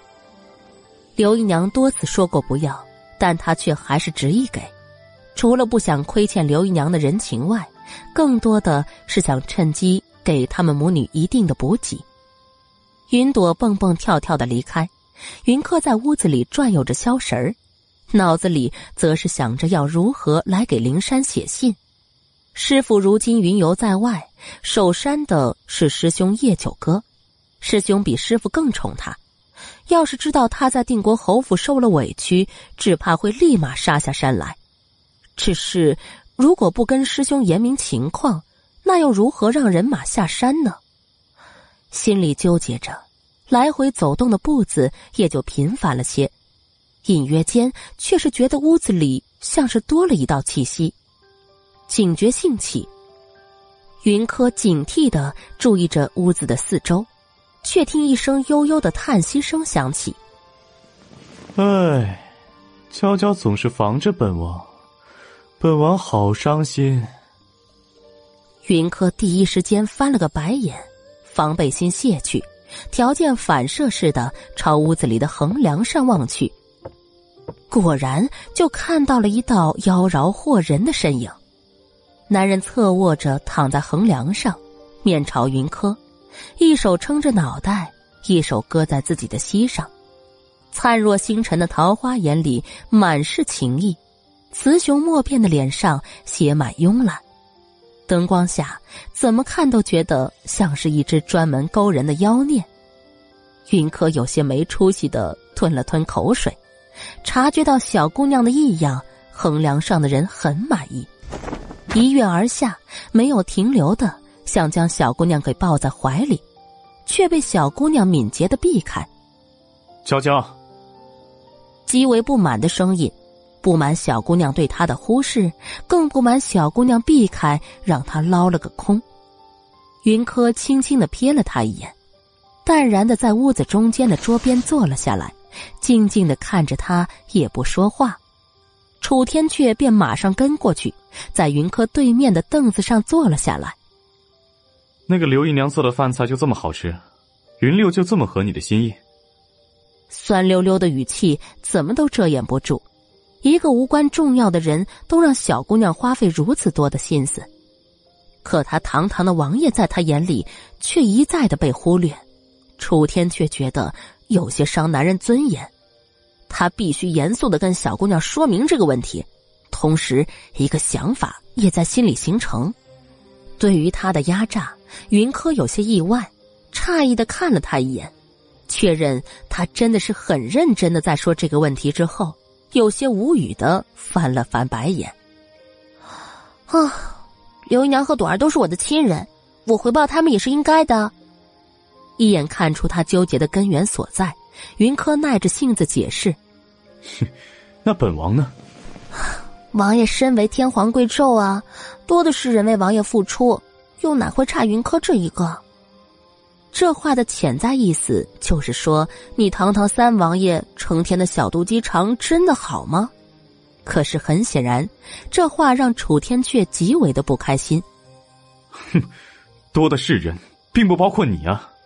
本王只想要娇娇一个人为本王付出，其他人，本王才不会在乎呢。云柯轻叹一口气，他觉得不能再跟这个男人继续啰嗦下去了。他会有无数个类似的问题出来，他不想回答，也不想到最后又要花时间哄他。见云柯不理他，楚天却轻哼一声，直接将自己心里的想法说了出来。哼，本王宫里有个会做各种菜系点心的丫头，本王把她送给你如何？哪怕是没有，他也会变成有的，目的很简单。就是小姑娘要夸，也只能夸她的人，而且他也想把小姑娘养得白白胖胖的，这样抱起来才会舒服，不是？你到底几时来的？云柯有些磨牙，他前世怎么没发现这个男人是如此的欠揍？差不多跟云六同时踏进锦院，你夸他姨娘的话，本王都听见了，就从来没见你这样夸过本王，哼。我跟程哥哥多说两句，你要吃醋；现在多夸刘姨娘两句，你又要吃醋。你怎么不泡在醋缸里？云柯咬牙瞪向那个仍气哄哄的男人，是谁跟他说这个男人是整个大厨保护神的？这幼稚起来像个孩子的男人，他真的不想认识好吧？眼见着小姑娘像是真的生气了，楚天却摸了摸鼻子。他也是被小姑娘哄上瘾了，原本以为晚上过来，小姑娘怎么着也会对他投怀送抱一回，可是小姑娘不但不主动，反而还各种嫌弃他。楚天却觉得自己受到了一万点的伤害，可怜兮兮的看向小姑娘，很是不甘心的替自己辩驳：“本王又没说错，你是本王相中的女人。”本王有责任把你养得白白胖胖的，白白胖胖。云柯自动的将猪圈里生活的某种动物给直接带入了进去，嘴角很抽，更加理直气壮的瞪了那个男人一眼。见小姑娘似乎气得更厉害了，楚天却直接大长臂一揽，将小姑娘给搂进了怀里，放到腿上坐好。今日你辞行的时候。本王正忙着，便没来送你，让人送了饭菜来。可韩秋说你已经睡下了，便把饭菜温在小厨房里。可是晚上你起来吃了别人做的饭菜，还大夸特夸，本王心里就是不舒服。在你心里，随便你一个人，都比本王重要。说到最后，又带上了几分控诉的语气。监制：君言讲故事。第二百六十二集，云柯并不知道楚天却让人送了饭菜来。这会儿见他控诉的起劲，脸上莫名多了几分笑意。在他再次用力将自己给搂在怀里时，便用力撑开了些，让两人之间有了稍稍的空隙。啊，想来是韩秋忘记了，我今晚吃的已经够多了，不能再吃，不然就该积食了。意思是你让人送饭菜来的事情我已经知道了，也感念到你的心意了，但我今晚吃的够多了，并不打算继续再吃。对于他这个解释，楚天却表示很不满意，故意虎着脸不说话，那一本正经的模样，还真是让人哭笑不得。那本王明日让人过来，你收下。云柯挑眉，明白他说的是送个会厨艺的丫头来，有意想跟他辩驳一番，但见他面色不佳，想来依他的性子不喜人反驳，便默认了下来。见小姑娘上道的没有拒绝，楚天却心情顿时好了几分。让韩秋给你找个披风来，本王带你去看戏。啊！看戏，云柯有些不解，抬头看他，见他眼里冷光划过。嗯，看戏，皇宫里的一出大戏。夏日的夜有些沁凉，楚天却从韩秋手里接过披风，亲自替小姑娘披上，抱着她纵身从窗户外翻出，跃上了屋顶。黑夜中，一大一小两道身影在屋顶上起落飞跃。云柯被他搂在怀里，小小的一团，越发的让人觉得怜惜。啊，五阳郡主和六王爷的事情捅到皇上面前了。夜风中，云柯声音小小的问，有不少的尾音被风吹散在空气中。他原本以为楚天阙定是听得不清楚的。正准备再重新复述一遍，他低沉好听的声音便响了起来。嗯，齐白的内药只有两个时辰的药效。武阳清醒过来之后，便指责皇姐陷害他。这会儿，已经捅到父皇面前了。原来他说的好戏，便是指武阳郡主和楚逸轩的事情。不得不说，这样的戏，云柯是极为想看的。从武阳郡主醒来到现在，已经过去好几个时辰了吧？他这中间可是还做了什么别的事情？云柯离开长公主府时，临近午饭时分。按理来说，如果武阳郡主一醒来就闹到皇上面前，那也不至于拖到这个时候。再说了，武阳郡主心悦楚天阙，肯定是不会愿意让人知道他和楚逸轩暧昧的。哼 他不但砸了皇姐的赏花宴，还烧了公主府的一座院子，撒了一下午的泼。说起武阳，楚天却整个人都极为的不屑，也越发的觉得怀里的小姑娘才招人疼呢，连哭都是悄无声息的，哪像武阳那个泼妇呀？云柯有些目瞪口呆，那武阳是真的被宠坏了，还是没脑子呢？他是想将事情闹大，然后给皇姐落一个招待不周的罪名。可是他忽略了皇姐的脾气并不好，而且长公府里的侍卫，可都是当年驸马留下来的亲兵，所以如何？云柯有些意外，楚天却没说出口的话是什么？楚天却低头见怀里的小姑娘正好奇的等着他答案，目光认真虔诚。他勾唇一笑，在他额头印下一吻，才缓缓说道：“，皇姐以维护黄家颜面为由，让人揍了吴阳一顿，揍得极惨。啊，这样？”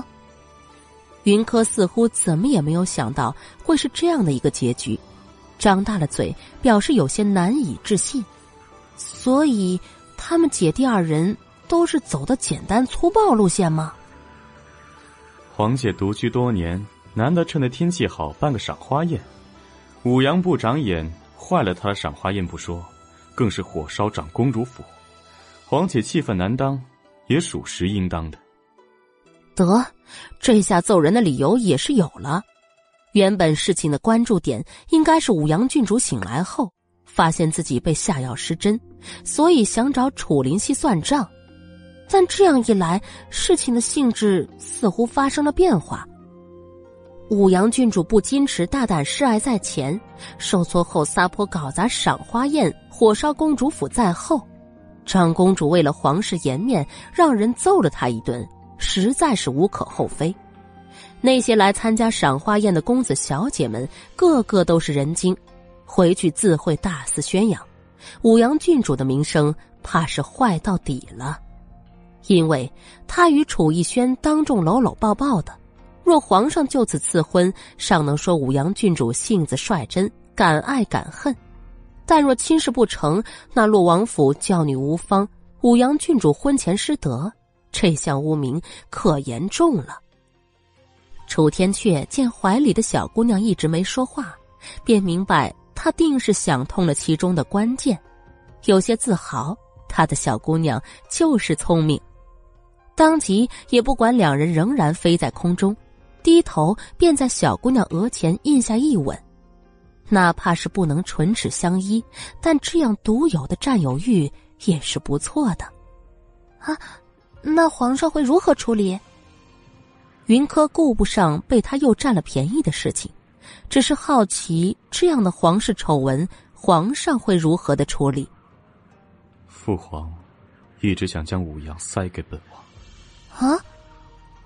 云柯凉凉的目光落在楚天阙身上，明明啥都还没说呢，可楚天阙就是感觉到了小姑娘的不悦。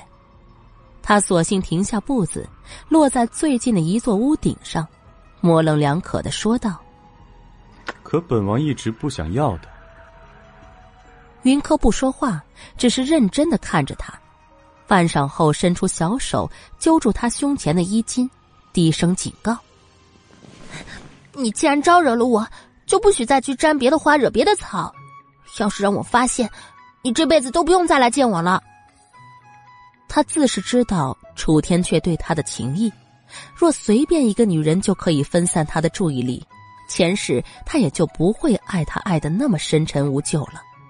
此刻见他眼里流光溢彩的，云柯就明白，这男人肯定又想刷存在了。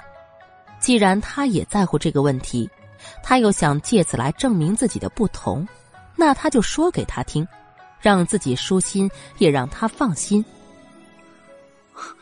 娇娇，你是在吃醋吗？为本王吃醋？楚天却十分的雀跃，那模样似乎只要云柯点头承认，他就可以高兴的飞起来。云柯不答，反倒是将他瞧得更认真了。你已经占了我这么多的便宜了。你就是我的人了，不许再出去招猫逗狗的，不然我有的是法子收拾你。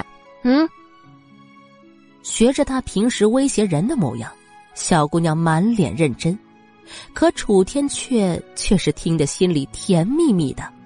小姑娘这是已经接受他的存在，要给他证明了吗？好开心啊，真的是好开心呐！楚天却觉得，这比战场上得了城池还要让人来的兴奋，立马向小姑娘保证道：“皇天在上，楚天却这辈子只要云柯一人，若有违反，不得好。”死字尚未出口，便被小姑娘捂住了嘴。娇娇，你怎么了？可是不喜欢我说这誓言？嗯，不喜欢。你若有心，直接做给我看就行。不用发这毒誓。云柯眼眶红红，他害怕上辈子的事情重演，他不要他不得好死。前世他亏他，他欠他，这事只希望能偿还清，让他好好的活着就行。楚天却不明白小姑娘为何眼睛发红，但也认同他的话，他的心意他直接捧到他面前。让他看到、感受到就好，不仅仅是嘴上说说。都听娇娇的，本王这辈子算是栽到娇娇手里了。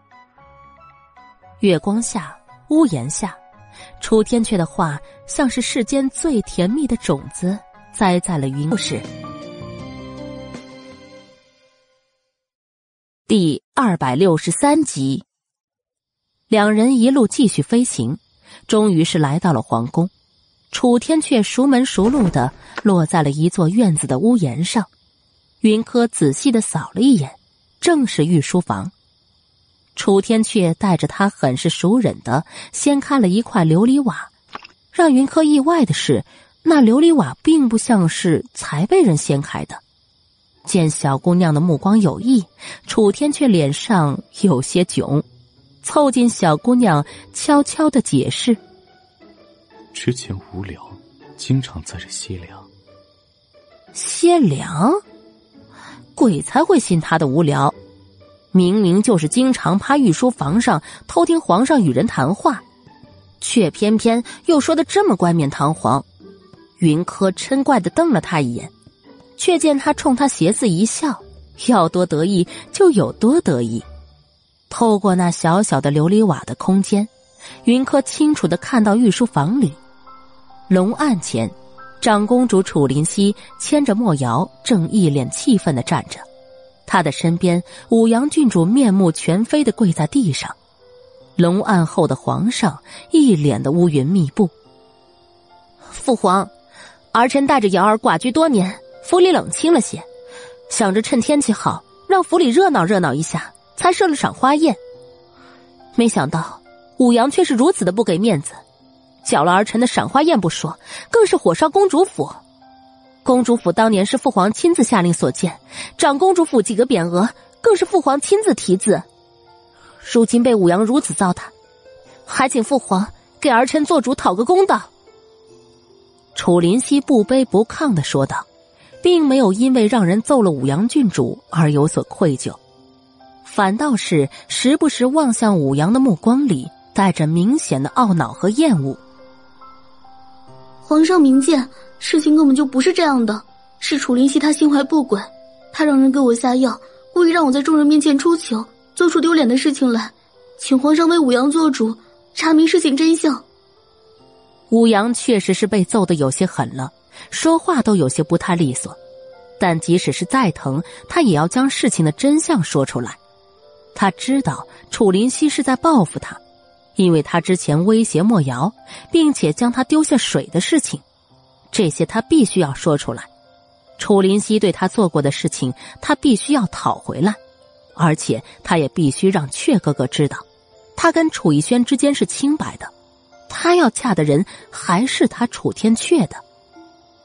楚皇坐在龙案后，目光在长女和武阳之间来回的扫视着，想分辨出到底谁的话才是真实的。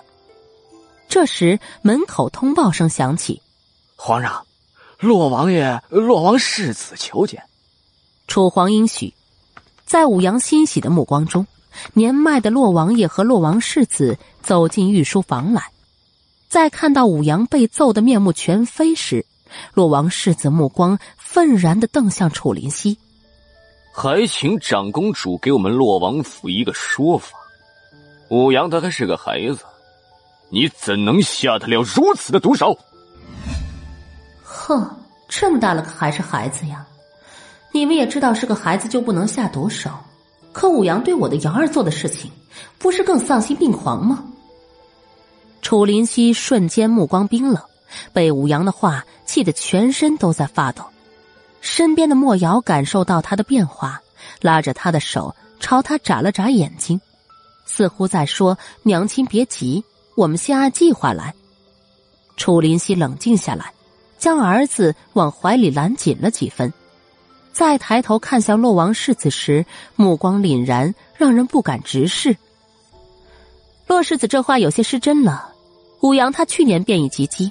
便能大胆向心爱的人求欢了，又怎么可能还是个孩子？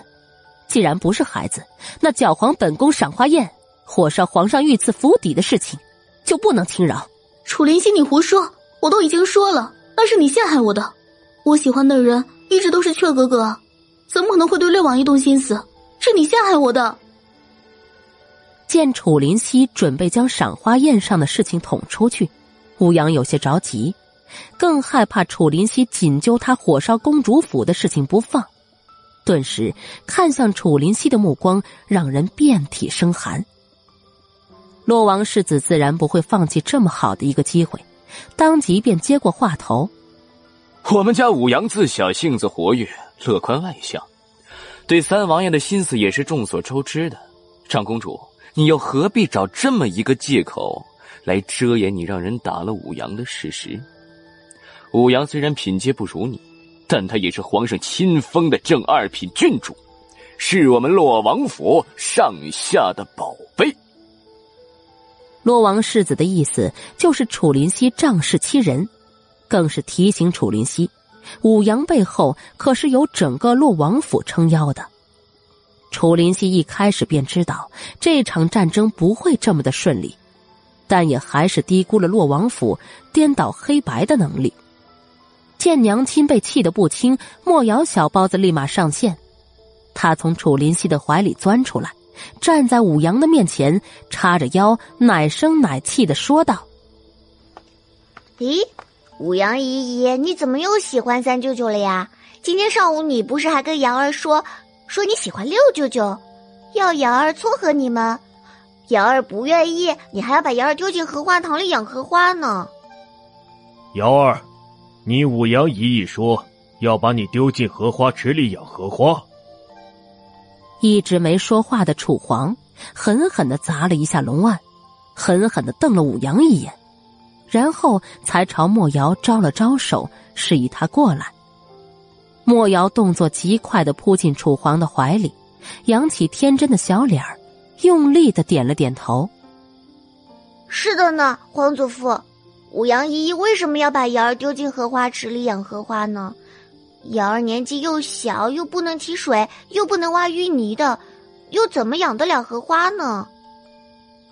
楚皇面色阴郁，看向五羊的目光阴沉沉的。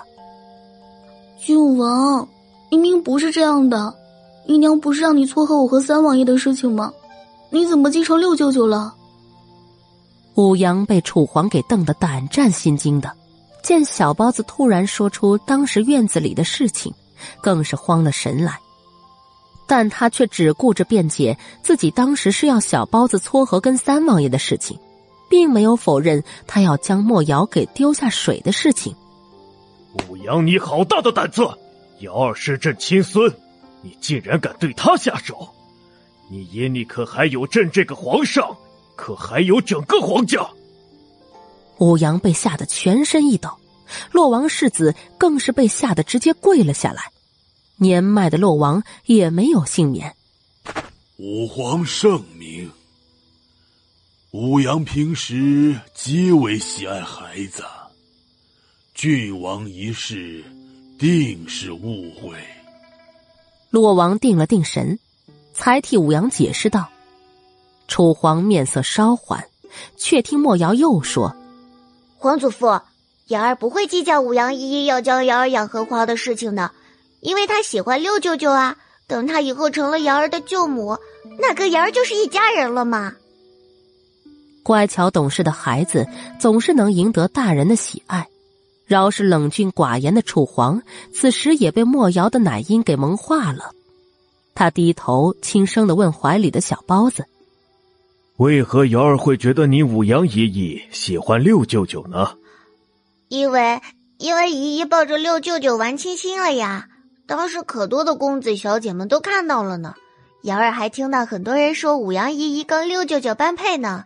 瑶儿觉得呀，第二百六十四集，莫瑶还在碎碎念着，楚皇的脸却是完全的沉了下来。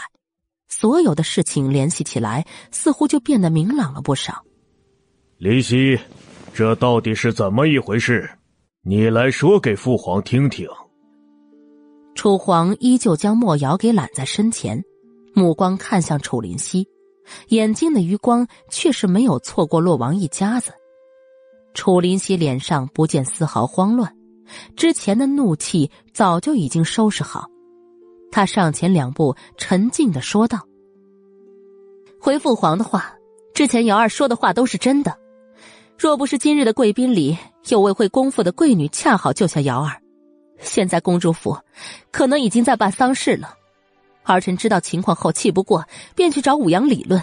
可武阳不但不承认错误，还说是儿臣太大惊小怪，更是丝毫没有将儿臣这个长公主放在眼里。瑶儿就是儿臣的命根子，谁要敢伤害瑶儿，就是要儿臣的命。所以儿臣与武阳有过一番争执。但儿臣同时也明白自己是皇家长公主，要有长公主的气度。秦府医给瑶儿把脉，确认她并没有受到惊吓，便也不再跟武阳计较，安排了她在府里休息。后来赏荷途中有闺女建议要才艺助兴，儿臣自是许了的。可是没想到武阳又跑来捣乱，当着所有的面对六弟投怀送抱，并且言辞暧昧露骨，儿臣看不下去。便让人带武阳下去休息了的，谁知，谁知胡说，一派胡言！明明是你让人禁锢了我的自由，又让人给我下药，让我神志混乱，将六王爷误认为是三王爷。你这女人，放肆！楚皇再次拍案而起，目光危险的瞪着武阳。林夕说：“你没有将她这个长公主放在眼里，现在看来。”岂止是没有将长公主看在眼里，就连朕这个皇上，你也没有看在眼里。龙威之下，武阳闭了嘴，微低着头，不敢再多言。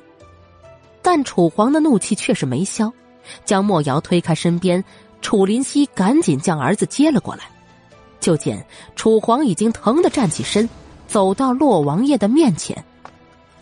洛爱卿，朕信任洛王府。也敬重洛王你的为人，可是万万没想到，你洛王府的一个郡主的面子，竟然比朕的长公主还要大。臣惶恐，臣不敢。是洛王府管教不严，还请皇上恕罪。臣回去一定对武阳严加管教。洛王浸淫朝堂数十年，哪里不明白天子一怒的下场？当即便双膝跪地猛磕头。洛王世子更是吓得不敢多言。一时间，整个御书房里安静的连根针落下都听得清。堂堂王府郡主竟然如此的不顾颜面，当众投怀送抱，成何体统？洛王，朕现在给你两条选择：第一。将武阳送去安里，青灯相伴一生。第二，赶紧找个人嫁了吧。皇上，此事……洛王有些犹豫。他们原本今日来就是想将武阳的婚事给定下，但照现在看来，想让武阳成功的嫁给三王爷，已经是不太可能了。此事没得商量，洛爱卿，你们看着办吧。造成如此恶劣的影响，你们还想让朕怎么的？重新回到龙岸后，楚皇面色有些阴郁，洛王不敢再说话，只是看向武阳的目光却很是不善，有着明显的恨铁不成钢。就在这时，一个清亮的声音响起：“儿臣愿娶武阳为妻。”只见御书房门口。穿着王爷蟒服的楚逸轩大步走来，进入御书房之后，便低头跪在楚皇的龙案前。儿臣与武阳两情相悦，在皇姐的赏花宴上，武阳只不过是一时兴起，跟儿臣开了一个玩笑。既然造成了不好的影响，那儿臣愿意娶武阳过门，消除对洛王府和皇室不好的传闻。楚逸轩的话落下。御书房迟迟没人开口，安静成片。良久后，楚皇才朝楚逸轩和洛王一家挥了挥手：“你们都起来吧。”洛王由着儿子搀扶着起来，目光落在楚逸轩身上，打量过后，似乎认命了一般，轻叹一口气。他原本一直都很看好楚天阙。得知孙女喜欢楚天阙，也一直都是暗中默许的态度，只是没想到武阳会闹出这么一档子事儿来。目前来看，让武阳嫁给楚逸轩确实是最好的打算。两情相悦，总好过武阳的主动投怀送抱。比起随便的挑个人嫁了，六王爷至少还是皇室中人，并不辱没武阳的郡主身份。你可是想好了？楚皇目光晦暗的看着眼前的儿子，心里自是明白，他在这个时候说出这样的话来，无疑是解了洛王府的大麻烦。也正如他所说，他娶了武阳，既可以挽回武阳的名声，也能不让皇家颜面受到损伤。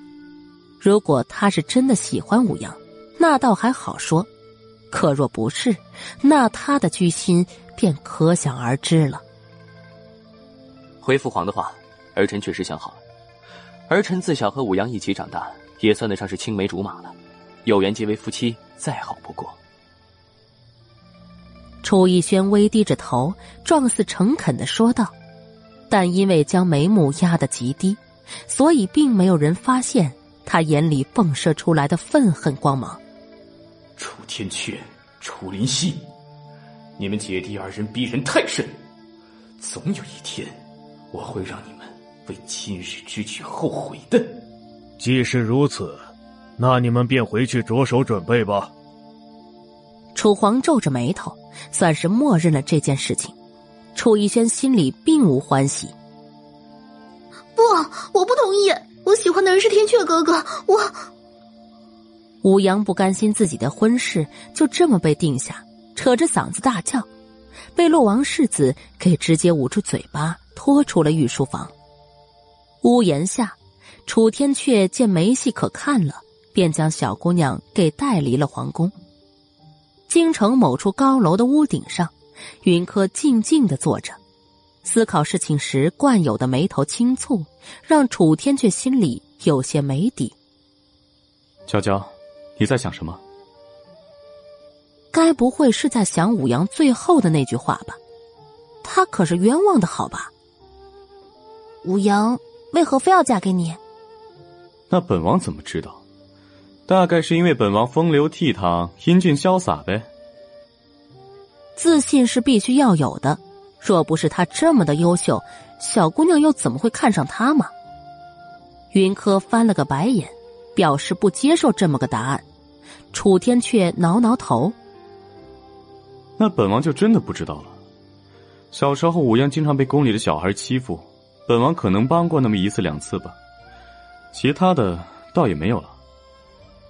见他不像是撒谎，倒像是真的不记得了。云柯轻轻点头。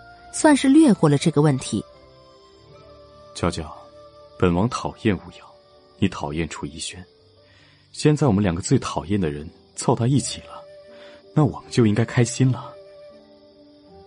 搂着小姑娘，楚天却心情极美的感叹道：“你将武阳塞给楚逸轩，这个决定真的好吗？有了洛王府的支持，再加上丞相府，到时候楚逸轩还不如虎添翼啊！”监制。君言讲故事，第二百六十五集。楚逸轩想坐享其人之美，没那么容易的。你可别小看了丞相府，能出皇后的丞相府，又岂会那么窝囊？楚天阙笑得很是神秘，云柯略微思考，便也明白了。看来这人又开始憋坏主意了。也许是跟他身边待的久了一些，云柯竟然隐约有些期盼：如果陆王府跟丞相府互相撕起来的话，到底会是谁更胜一筹呢？想到这里，云柯朝楚天阙招手：“照你这么说，楚逸轩和武阳郡主的婚事，只怕还会再生波折的。你附耳过来，我告诉你一计。”楚天阙乐颠颠的凑过脑袋去，听着小姑娘在他耳边吐气如兰，他心神荡漾，思绪早就飘远了。唉，到时候什么时候才能把小姑娘给娶回去，天天抱着呢？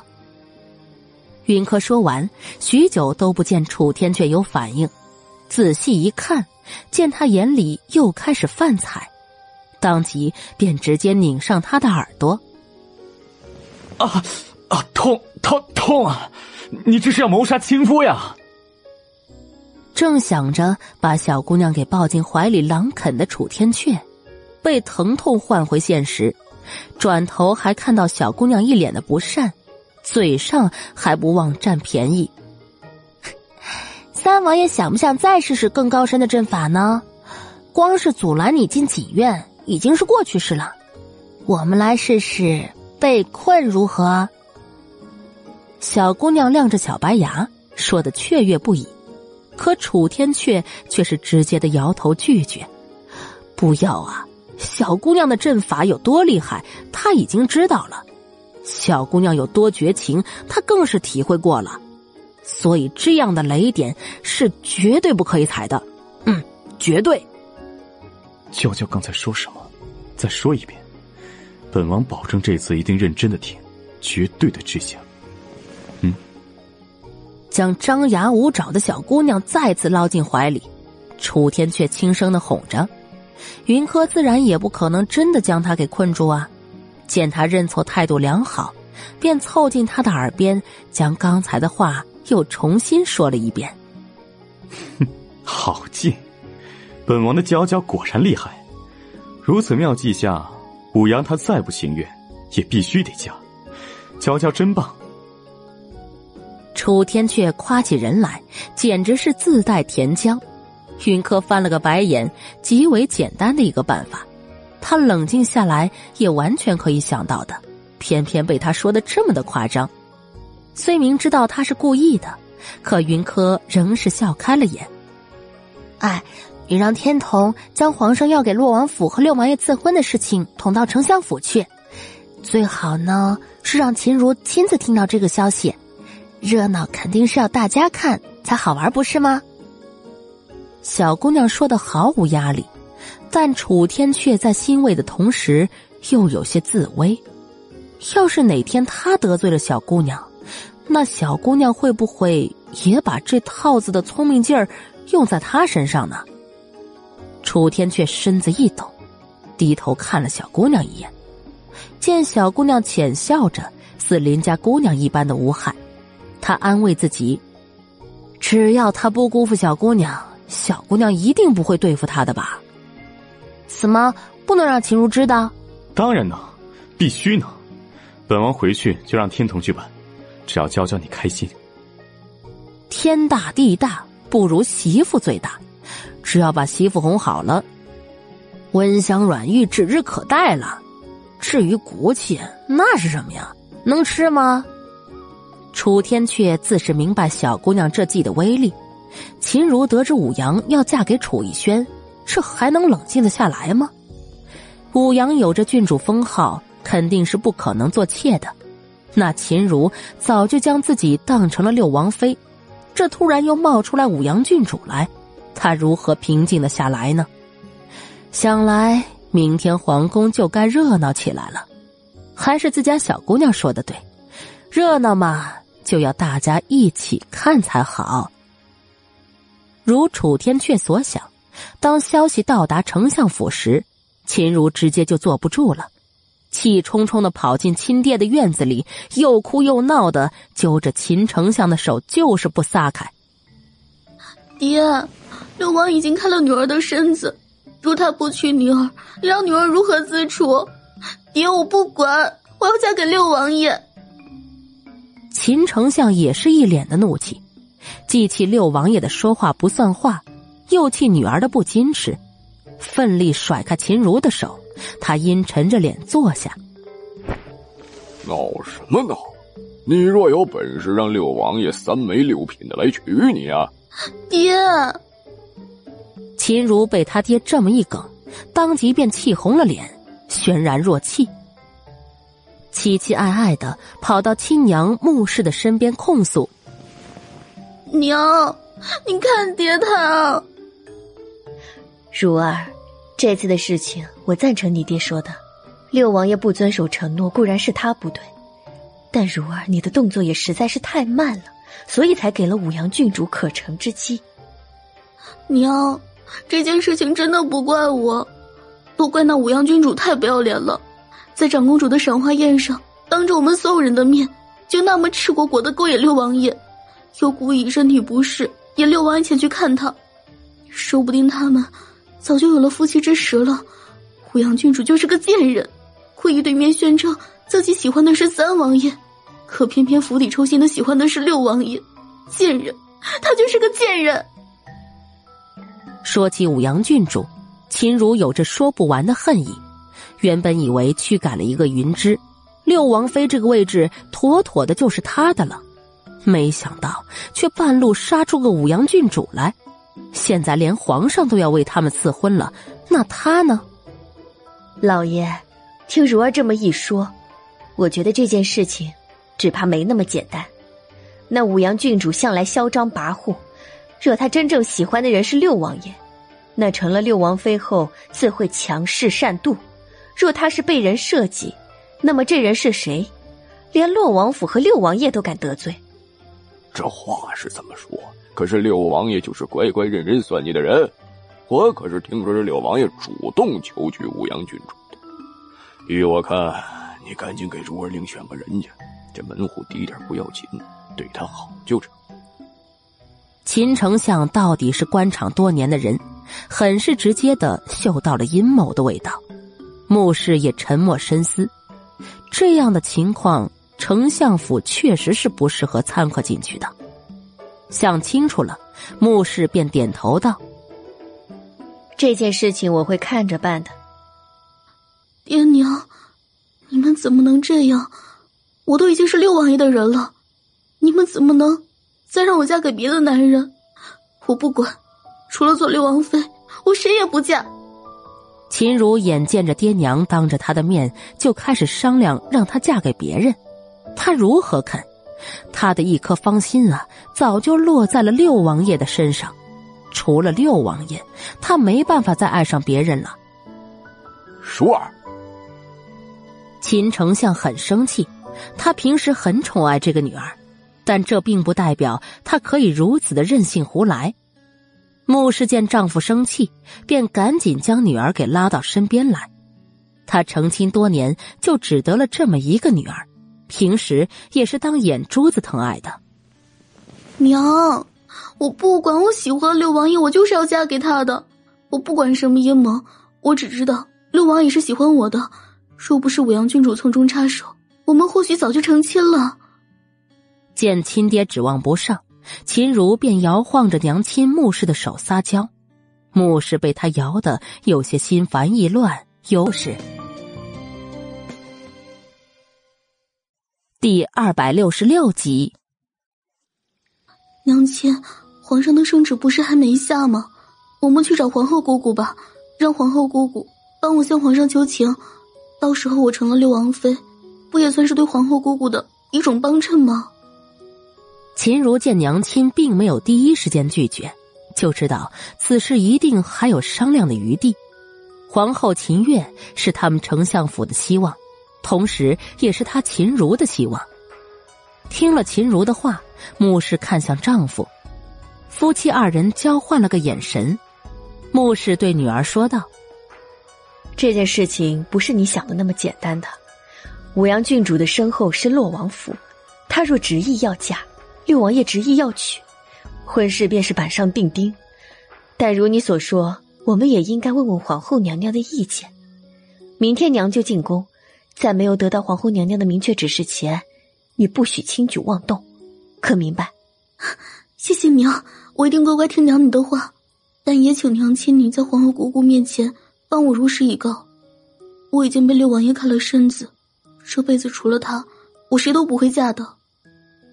秦如生怕娘亲见了皇后姑姑表述不清楚，错失了她嫁给六王爷的机会。穆氏点了点头，便让人将女儿带下去休息。秦如离开后，穆氏却是扶着秦丞相坐下，温声说道：“明日真的要进宫向皇后娘娘请示吗？”去说说吧，我们也得看看皇后娘娘的态度。如今九王爷年岁尚小，前头有太多危险阻拦，看看娘娘是否有别的打算，也将如儿的真实想法一并说开。那妾身明日就进宫。甚好。穆氏是一能说会道的，私心里也希望女儿能嫁给自己喜欢的人。进宫拜见皇后时，自然将女儿的心意摆在了前头。久在深宫里的女人，又会有几个单纯的？姑嫂二人你来我往间，穆氏便领会了皇后的意思，那便是与六王爷的亲事可成。皇后也在得知秦如一心想嫁给六王爷之后，忙碌起来，亲自送了银耳莲子汤去御书房，与皇上耳鬓厮磨间表达了之前将军府六王爷与秦大小姐双双失身的事情。皇上一时间为了难，五阳郡主与六王爷的事情是众目睽睽之下发生的。但同样，秦大小姐和六王爷的事情也是大庭广众之下被瞧见的。如此两家的姑娘都被他儿子坏了名声，一气之下便将楚逸轩给叫了过来，当着皇后的面狠狠的训了一顿。楚逸轩一字不发，最后便提议要不两个都去，以平妻之礼进门。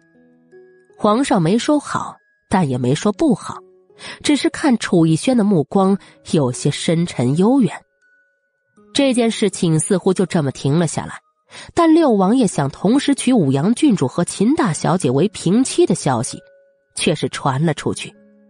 消息传到洛王府，武阳郡主自是免不了一顿闹腾，喊打喊杀的要去剁了六王爷，又同时对长公主和三王爷怀恨在心。但因为有洛王爷的镇压，倒也没闹出什么大的动静来，让不少看热闹的人多少有些失望。一时间，整个京城似乎都平静下来了。都知道这么一桩三角婚事，但却无人议论。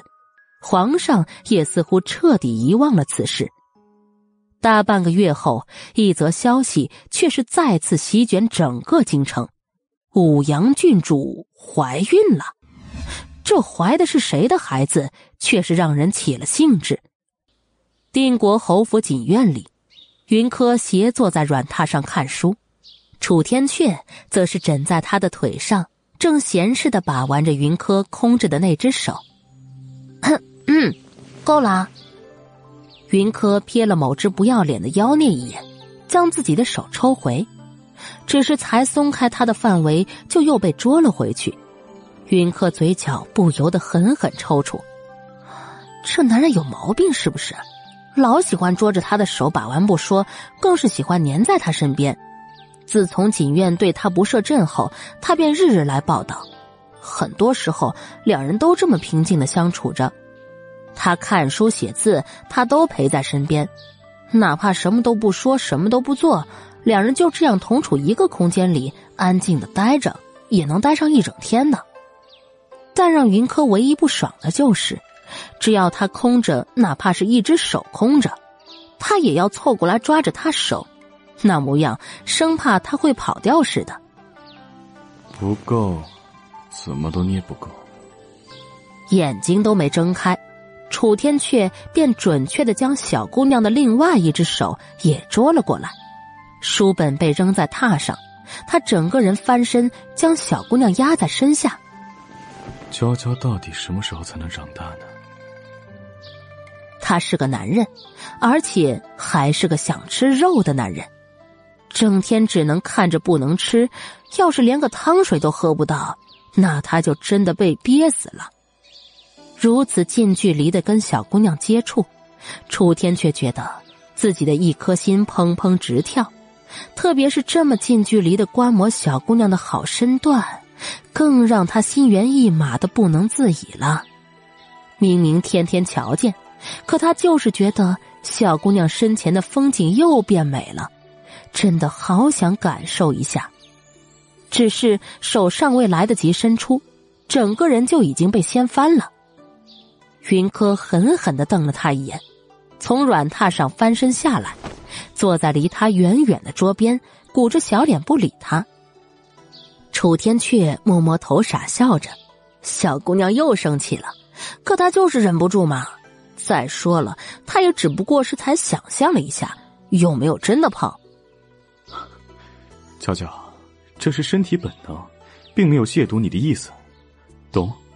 不懂，男人都是下半身的动物，不解释。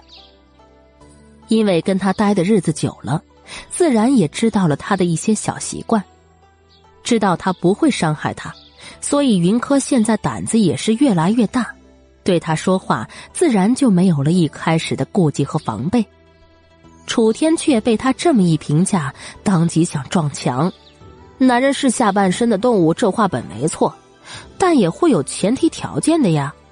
他也只想对着他的小姑娘做这种想利用下半身的事情，别的女人他才懒得多瞧一眼呢。乔，过来。早就已经习惯了抱着他的楚天阙，哪里容得了他离得这么远？可云柯被他那如狼似虎的目光盯得有些害怕。她不是未经人事的姑娘，自然知道那种目光若是任其发展，最后会发展成什么样的事情。所以他要从一开始防患。他不肯过去，楚天阙就来拉他。两人拉扯之间，韩月冲了进来。小姐。可是看到拉拉扯扯的两人，又赶紧转过身去，准备走出房间。云柯一僵，小脸羞得通红，当即大声喊住了准备离开的韩月。韩月，什么事？说完，还不忘瞪了楚天阙一眼，示意他老实点楚天阙摸摸鼻子不说话，但是目光一直锁在小姑娘的身上，而且重点集中。第二百六十七集，小姐，武阳郡主怀孕了。收回脚步的韩月老实回答，眼睛还一直看着地上，生怕看到了什么不该看到的东西。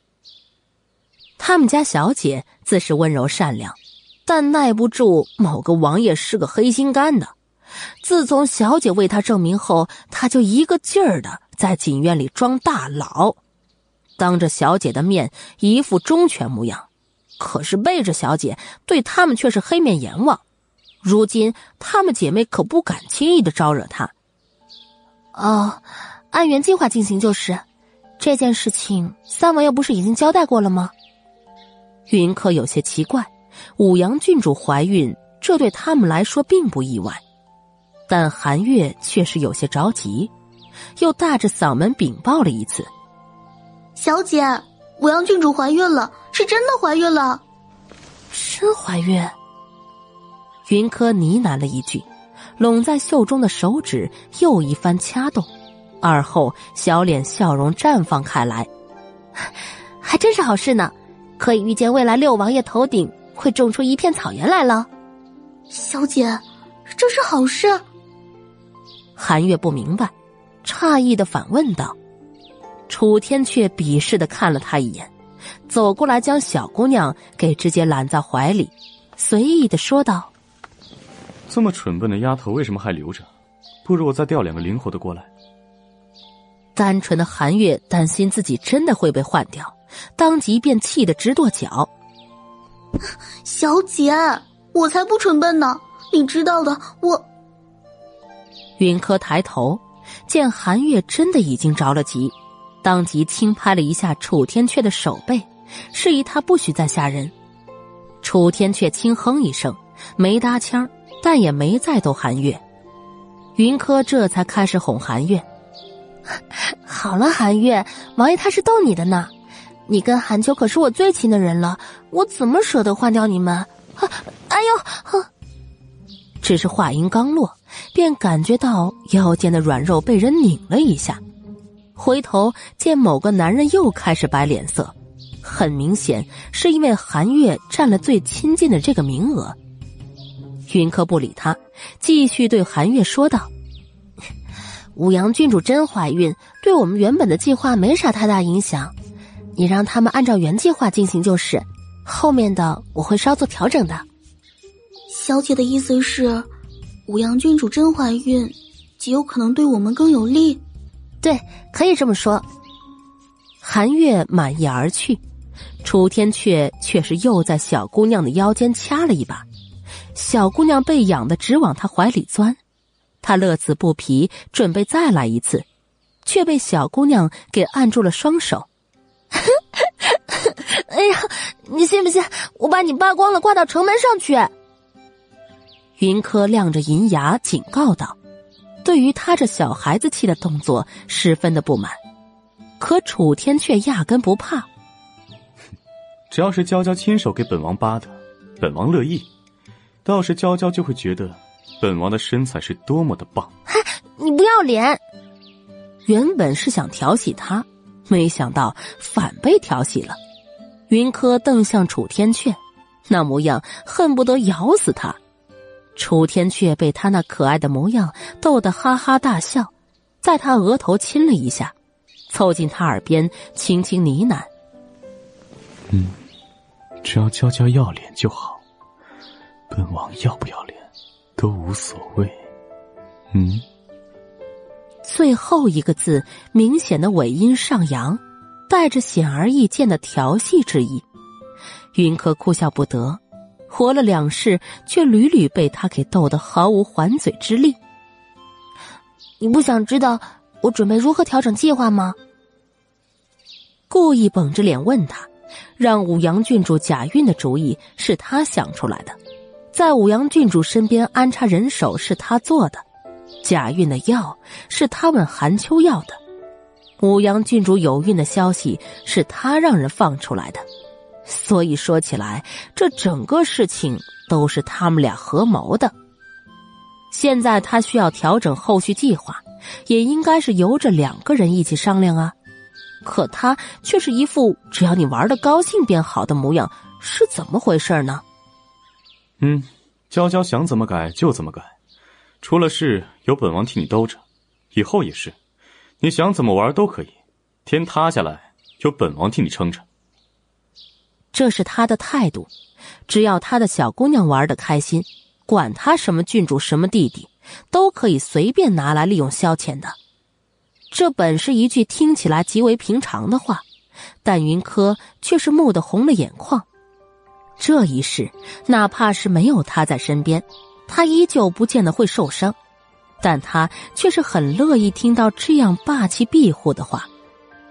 见小姑娘红了眼眶，楚天却立马心疼不已，担心小姑娘真的落泪，伸手刮了刮她的小鼻子，逗道：“怎么？”这么一句话就把你给感动的哭了，那日后还怎么得了？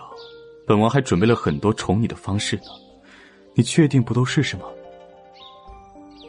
云柯嗔怪的瞪了他一眼，孩子气的试了试嘴角，倔强的说道：“我才没哭呢。”这声辩解带着明显的孩子气，与以前云柯每次展现出来的不同，这样的云柯才是最真实的。也是他这个年纪该有的模样。楚天却轻轻的哄着他，心里很满足。小姑娘愿意与他袒露心思，说明小姑娘心里真的已经慢慢有他的存在了。那现在跟本王说说你后面的计划。嗯。云柯点点头，很是笃定的说道：“嗯，武阳的孩子一定不是楚逸轩的。”楚天却挑了挑眉，他也有这样的猜测，但那也只是猜测。可小姑娘却说的很笃定，这让他很意外。你如何得知孩子不是楚逸轩的？这是个天机。那日武阳与楚逸轩确实有同房，但孩子却不是楚逸轩的，这点我非常的确定。见小姑娘说到天机，楚天却了然，也不再深究。消息传到父皇面前，他不会再坐视不理。武阳坐定了这六王妃，至于丞相府那边，父皇弥补到皇后身上的。我想的也是啊，因为怀孕，武阳郡主在赏花宴上的事情又会被人拿出来说的，洛王府的人自会向皇上要个说法，那么赐婚便是最合适的办法，而秦如也一定不能成为平妻，只要有大小。就一定会有不平衡，成亲后这两个女人掐起来，也够楚逸轩喝一壶的了。想到楚逸轩成亲后被两个女人夹在中间，焦头烂额的模样，云柯冷嘲的笑了。楚逸轩，这还只是第一步呢，等你和武阳郡主成亲时，我定会送你一份最大礼的。见小姑娘眸光沉沉的，楚天却有瞬间的不爽。他的小姑娘每次提到楚逸轩时，神色都会有些异样。可是小姑娘什么都不愿意跟他说，他也就不问。等小姑娘愿意跟他说时，他再来探索也不迟。眼前小姑娘似乎已经胸有成竹，那他就放手让她去玩。嗯，那后面的事情，娇娇就自行安排吧。本王就只有一个要求，娇娇玩的开心就好。嗯，云柯主动的靠在他的怀里，双手回抱他的腰身。他的支持便是他最大的动力。重生的事情，他没办法跟他明说。他的无条件信任让他身心温暖。这一世，他很好。监制：君言讲故事。第二百六十八集。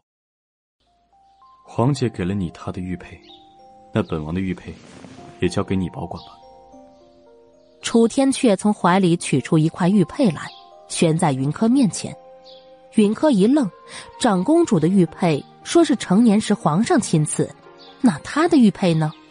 见云柯迟迟不愿意伸手来接，楚天阙也不急，轻声给他解释：“皇室有规矩，皇子出生时便会由父皇亲自玉佩并刻上名字，公主也会有玉佩，但是在成亲时由父皇赠出。玉佩很贵重，代表的意义也很非凡。”见玉佩，如见皇子公主本人。说着，还将玉佩递到云柯面前，指着上面的一个小小的“阙”字给云柯看，表示他说的并不假。啊，这玉佩太贵重了，我……云柯有些后悔收了长公主的玉佩，面前的这块更是不敢收。但楚天阙却是不由分说的拉过他的手，将玉佩塞到他的手心里。这玉佩可以调动本王的一切势力，交给你保管，也算是告诉那些兔崽子们，你是他们的女主人。可是，这样的消息让云柯更加的消化不了。他的如此深情，他又岂能受得住？没什么可是，除非娇娇并不是真心留在本王身边，而是时刻想着怎么离开本王的。怎么会呢？这一世，他如何还会想着离开他身边呢？若不是，那便安心收下。这只是本王提前预支给你的聘礼。有了这玉佩，你想做什么事情便会方便许多。侯府里寒冬的功夫在寒月之上，你出门时要记得带上它。锦院这里，本王也给你安排了十名暗卫。寒冬便是新来的厨娘，也算是楚天阙安排的自己人。至于暗卫，那是因为他想让小姑娘多层保障。他知道小姑娘心里装着事，想做的事情也很多，他不愿意他的小姑娘被禁锢在这一方天地里。只要他心里装着的人唯一是他，那他便让他自由飞。他楚天阙要的，并不是只会一味寻求保护的女人，而是能与他并肩站在权力最高峰的女人。楚天阙，嗯，本王在。你为我准备这么多，又这么努力的让我爱上你，那你可不许提前死在我面前，你得陪我一起幸福下去。你要敢提前死，我一定恨你一辈子。想着楚天阙上辈子就是随意将自己给作死了，云柯担心这辈子他还会这么傻，这不是他想看到的。这辈子，他要他活得长长久久的，活在他的视线范围内。楚天却一愣：“小姑娘这话是什么意思？到底是希望他早死，还是不希望他早死呢？”仔细一听，却发现这是小姑娘的别样告白呀。楚天却会心一笑，他的小姑娘就是这么的别扭，哪怕是说句情话，也总是要拐几个弯儿。嗯我们都活得好好的，生亦同情，死亦同学。死亦同学，这几个字让云柯的泪水终于忍不住直接落下。楚天却吓坏了，不知道小姑娘这是怎么了。可云柯哭着哭着就笑了。是的，这一世只会是生亦同寝，死亦同学。楚天阙，记住你说的话，你要敢食言，碧罗黄泉，我都不会放过你。好。房间里两道身影紧紧的相拥在一起，韩秋原本踏进一半的脚又收了回去，并且仔细的替他们将门关好。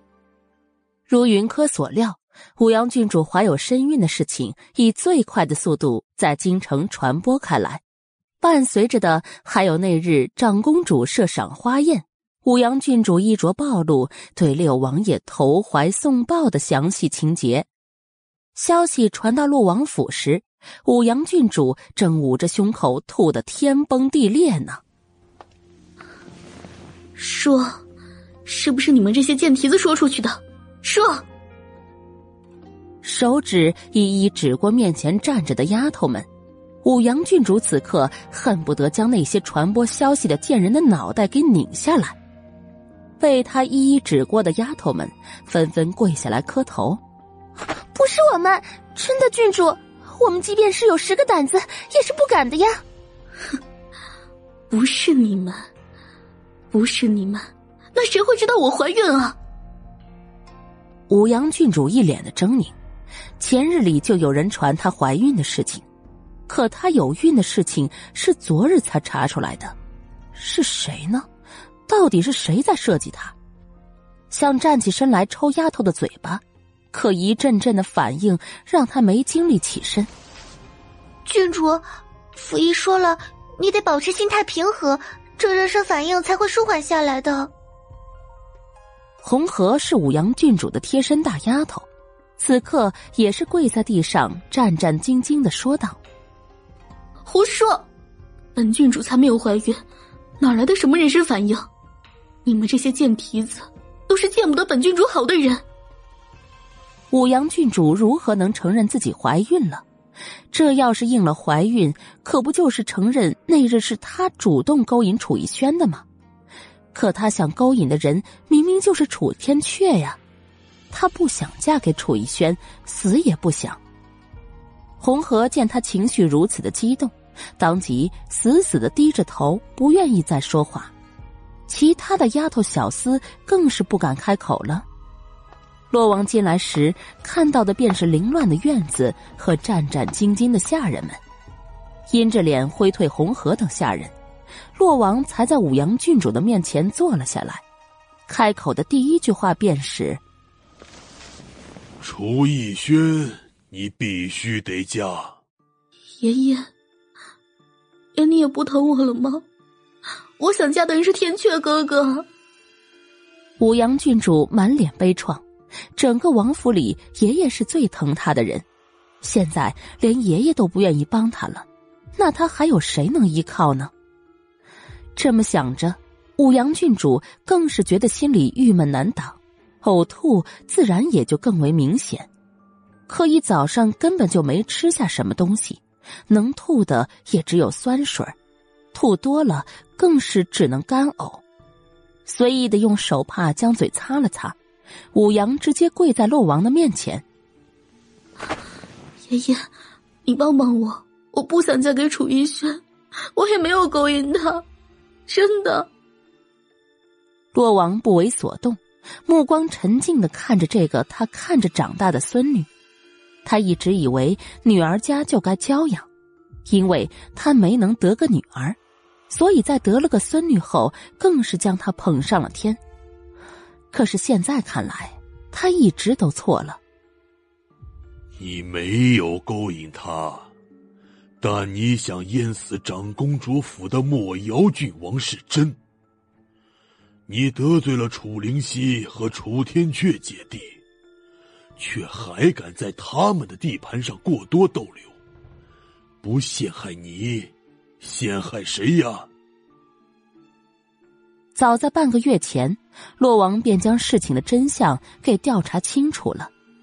可也正因为武阳对莫瑶动手了，所以他才一直没有去皇上面前言明这是个阴谋。我，爷爷，我只是想让莫瑶帮我，谁知他不听，我他再如何，你也不能对他下手啊！而且还是在他娘亲的公主府里，你的脑子都是被猪啃了不成？我，他当时只是气急了，他向来嚣张，顺他者昌，逆他者亡。再说，他当时并没有打算要莫瑶的命，只不过是被他一再的激得失了手罢了。楚天阙是不可能娶你的了，但楚逸轩，你必须嫁。如果你还想要洛王府这个娘家的话，监制君言讲故事。第二百六十九集，洛王的话并没有给武阳否决的余地，这事儿摆明了就是针对武阳落的一个坑。如果半个月前他们爽快的准备好将婚事定下来，那么还能用两情相悦的名头将事情给压下来。可是现在，哪怕是赐婚，也变成了奉子成婚，哪里还有什么两情相悦呢？洛王府的脸已经丢尽了。当然，如果武阳不在乎洛王府的存亡，那他现在直接站出来，说哪怕是怀孕了，也不想嫁给楚逸轩。可这样自打脸的事情做出来，洛王府以后都不用在京城出现了。他是不可能允许这样的事情发生的。唉，武阳。过去你如何荒唐，爷爷从未说过你。但这次，你必须要按爷爷说的来做，嫁给楚逸轩，安心的做你的六王妃。以后洛王府也只会拥护六王爷。他日六王爷荣登大宝。你便是母仪天下的皇后。可是爷爷，是您说的，想要的东西，想爱的人，都可以靠自己去争取的呀。我爱天阙哥哥，想嫁的人也只有他。你现在让我嫁给楚逸轩，我根本就做不到。那你便要让整个洛王府都陪你一起死吗？你可知道？六王妃的位置，还是爷爷豁了老脸去皇上面前求的。你再迟疑，到时候极有可能只有侧妃之位了。你可明白？爷爷，我。这是武阳第一次见爷爷在自己面前展露疲态，以往的每次爷爷都是告诉他，洛王府的女儿就要理直气壮，哪怕是抢也要抢得光明正大。可此刻爷爷的表情告诉他，洛王府如今的处境真的是很困难了，而他已经没了再嚣张任性的机会。好，爷爷。我嫁，但我只做正妃，不接受平妻，不接受侧妃。擦干眼泪，武阳抬头朝洛王要求道：“洛王点点头，这一点他自然会去要求。看在洛王府的面子上，皇上定会卖他这个面子的。但自家孙女也还是要敲打一下。”那武阳。你肚子里的孩子，孩子只会是楚逸轩的。如今天阙哥哥尚未成亲，皇长孙的位置只会是我肚子里这个孩子的。武阳双眼眯起，这个孩子只会是楚逸轩的。既然嫁给楚天阙已是不可能，那嫁给谁都没有区别了。短短的时间里，武阳已经想通了一切。男人抓不住了，那他就抓权力和名利。洛王沉默许久，才挤出一句话来：“嗯，既然如此，那你便自己准备嫁衣吧。日后，好好跟六王爷过日子。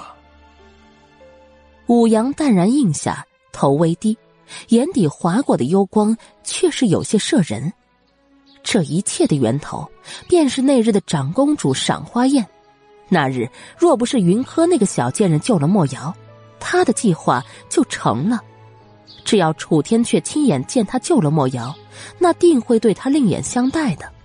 他再借机跟他亲近，他们的亲事不是没可能的。可偏偏这一切都毁在云柯的手里。云柯不但坏了他的计划，更是抢了原本属于他的男人。这个仇他记下了。云柯，他不会放过的。洛王的动作很快，说通了武阳之后，便去了皇宫，在御书房里跟楚皇密谈了很久。最后出来时，拿到了将武阳赐给六王爷楚逸轩做正妃的圣旨。随着圣旨在洛王府大门口的宣扬，洛王府也算是扳回了一两分情面。婚期定在两个月之后的七月初，就在陆王府所有人都松口气时，皇上隔天也颁布了另外一道圣旨：丞相府大小姐秦如。被赐给六王府做侧妃，虽不是平妻，但却是同日进门一同拜堂。按理说，侧妃既是妾，是不用行七礼拜堂的。但秦如可是出自丞相府皇后娘娘的母家，以丞相府大小姐的身份嫁于皇亲，也定是嫡妻的身份。皇上为了给皇后这个面子，便许了丞相府的七礼。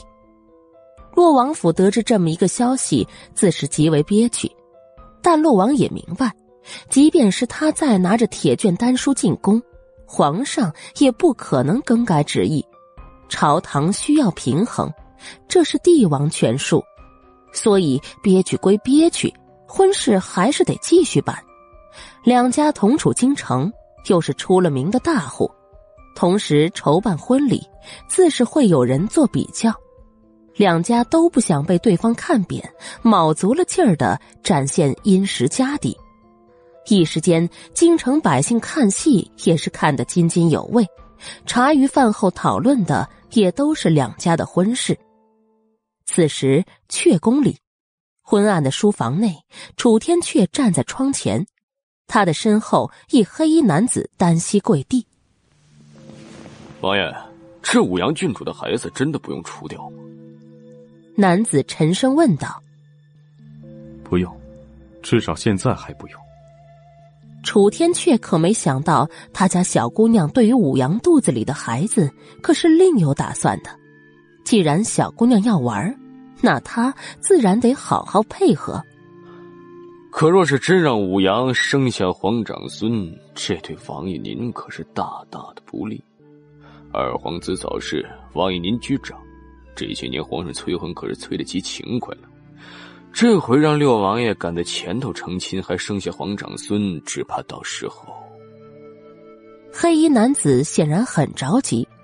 楚天却转过身来扫了他一眼，挑眉轻笑着说道：“ 到时候如何？莫不是你以为本王的父皇会在他壮年之时，将皇位交给个野心勃勃的儿子？那王爷的意思是？”皇上暂时不会，自然不会。立太子的事情，咱们现在不催。老六积极，便让他去争这份头功。至于武阳肚子里的孩子，本王另有打算，你们暂且不要动。属下明白。楚天阙挥挥手，黑衣男子隐身于黑暗，不再出现，独留楚天阙一人独自站于窗前。今晚的星空很明亮，众星捧月的美景一望即见。木秀于林，风必摧之。楚逸轩想做这出头的第一人，还得看父皇许不许可吧。比起楚逸轩的作死，他更关心他的小姑娘今晚有没有好好睡觉。似想到什么事情一般，他朝外唤来天童。本王已经将那血字玉佩放在云柯那儿了，以后见玉佩如见本王。你通知下去，任何人敢对他不敬，即是对本王不敬，准备好提头来见本王。王爷，你……天童明显有些诧异，似乎欲言又止的模样。如何？楚天却反问，脸上的戾气一闪而过。他做事向来不喜欢有人质疑，哪怕这人是他身边最亲近的人。王爷，您对云三小姐是不是太放心了些？那玉佩可是您所有的身家势力，万一云三小姐……天童的担心也不是没有道理的。那玉佩可是调动一切的凭证，若是普通人拾到了那玉佩，或许就是一块单纯的玉佩而已。但现在王爷可是亲自交代，那就相当于云三小姐的权利与王爷相当，这与王爷而言并不是一件极好的事情。她是你们的女主人，本王如此，无可厚非。要是敢有不长眼的人，欺到他头上，本王不介意亲自动手。话语间的煞气显而易见，天童久跟他身边，自然是知道这话的隐是。第二百七十集，天童微低着头，心里惊讶：王爷说的可是女主人，而不是未来的女主人。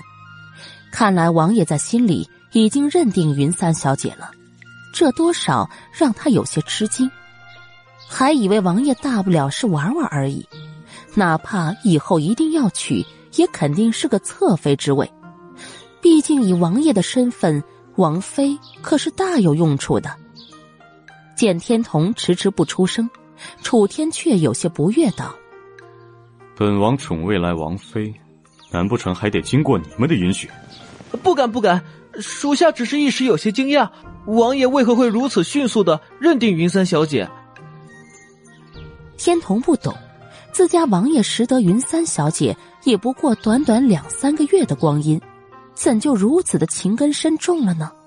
迅速吗？楚天却并不觉得很迅速。京城郊外看到小姑娘那张清冷小脸的第一眼，他便觉得熟悉，莫名的熟悉。将军府见到的第二眼，他便想让小姑娘换笑颜；再到后来，他故意使坏，让小姑娘面露惧色。原本以为心里会很雀跃，可却先心疼上了。自此便舍不得让那张小脸再出现害怕的神情，只想让她每天都笑着。他想宠小姑娘，希望每天都能宠着她。可小姑娘似乎并不太愿意让他宠着，哪怕是亲手送上代表着势力的玉佩，小姑娘都没有大喜的模样，这多少让他有些挫败。不过好在小姑娘身边目前还只有他一个人，他也不会给别人靠近小姑娘的机会。这样总有一天，小姑娘会满心满眼都是他的。你只需明白。她只会是你们唯一的女主人即可，本王舍不得她受一分委屈。这些话你最好是记牢了，也让那些小兔崽子们都记在脑子里。是，属下明白，也会将王爷的意思传达。只要云三小姐有令，我们一定赴汤蹈火，在所不辞。这下天童可不敢耍滑，立马正色表示自己知道了。王爷。门外有人轻唤，天童在征得主子同意后，便马上将门打开。只见代替天卓位置的天宇捂着手臂，一脸严肃的进来。你这是失败了。楚天却瞬间回到屋子里按机后的椅子里，目光打量天宇一番后，落在他受伤的左臂上。六王爷那边戒备森严。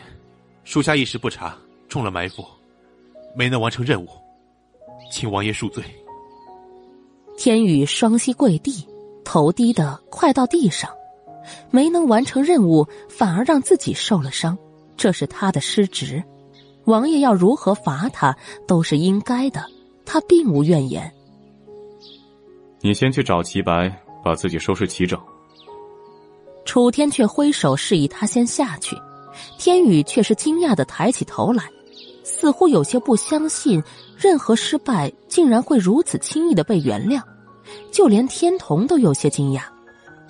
楚天却轻轻的扫了他们一眼，别以为本王就此接过不罚了，该有的惩罚必须要有。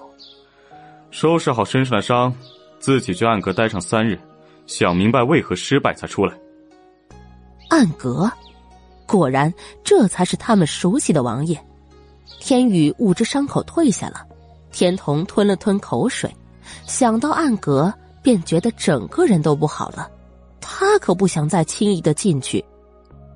天童，你觉得老六这个时候防备森严的原因是什么呢？楚天却整个人全部靠在太师椅里，慵懒的像一只高贵的波斯猫。可天童却没办法将它当温驯的猫，他明白他的主子哪怕是属猫科，那也是最凶猛的老虎。伺机而动，瞬间置人于死地。六王爷短短时间里便坐拥奇人之美，将洛王府和丞相府同时绑在自己的船上。他此时肯定正乐呵呢，莫非是担心好事被人破坏，所以才会防备森严？坐享其人之福，哪有那么轻易的事？楚天却轻哼，也不说天童猜的对不对。目光望向楚逸轩宫里的方向，却是有些幽深。婚事定在七月初，不到两个月的时间，新王府尚未开始修建，那么极有可能老六新婚后会暂住宫里。想来到时候一定会热闹上的，只是这种热闹他向来不爱看。去母妃宫里一趟，让她提防小人。是。小的马上去办。天童不敢滞留，出了阙宫，便马上去了德妃的寝宫。天童到时，德妃正准备歇息了，便让他在花厅里回话。哼，天童，你家主子将天卓退了回来，可是对本宫不满？他本是好心替儿子调教侍卫，可那混小子竟然将人给他送了回来。不就是将他的消息透露了吗？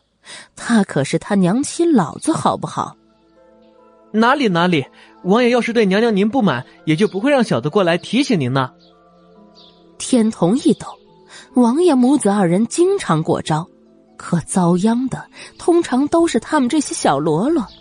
此时他哪里敢说王爷就是对德妃娘娘不满，所以才将天卓送回来的呀。哦，他让你来提醒本宫什么事儿了？王爷说六王爷大婚，到时候新人入宫，定会事情琐碎，让娘娘小心提防身边小人。哼，臭小子，以为本宫是他那没长脑子的吗？随便让个女人就给伤了，就他那破样儿，还想来提醒本宫？天童低头装死。这样的话，给他十个胆子，他也不敢接呀。德妃念叨了一会儿，见天童压根不搭话，气得有些嘴歪。但随后一想，天童要真附和他的话，想来也活不长久了。可心里的怒气还没消散，想着自己亲生的儿子，他奈何不了；一个小小的侍卫，他还拿捏不了吗？天童，本宫问你。你家主子对云三，可是真动了心？若不是真动了心，那都被人给扎心了，还能闷声不说呢？德妃虽然明白这么个事实，但总觉得这事儿怎么看都不应该发生在他的狐狸儿子身上的呀。这下天童更是抖得厉害了，这话他要怎么来回答呢？是如实答？还是假假的回答呀？如实回答便是动了真心，假假的答便是没有动真心了。可原本就是事实的事情，他要是歪曲事实，传到云三小姐本人的耳朵里，让他对王爷产生了误会，到时候王爷怪罪下来，不还是得怪他吗？再说了，以自家王爷那模样，恨不得昭告全天下，人小姑娘被他给定下了，这也容不得他不说实话呀。所以他是可以说实话的吧？德妃久久没有等到他的答案。当即便有些不悦，轻哼一声，吓得天童双腿一软。回娘娘的话，王爷对云三小姐是真动了心。王爷说，云三小姐是我们的女主人，任何人不得欺她，不然就提头来见。这是自家王爷的原话，他应该是没有表达错误吧？至于玉佩的事情，天童觉得这个嘛。还是留给王爷自己来跟娘娘说会比较好。呵，他倒是脸大，八字还没一撇的事情，他就轻易的许了人。要是本宫到时候不同意，看他脸往哪搁。德妃虽然哼着，但天童听出其中并没有怪罪王爷的意思，似乎隐约还有几分自豪感。天童觉得自己的脑子不够用了，不过德妃和王爷相处向来都不是按常理出牌的，他搞不懂也是正常。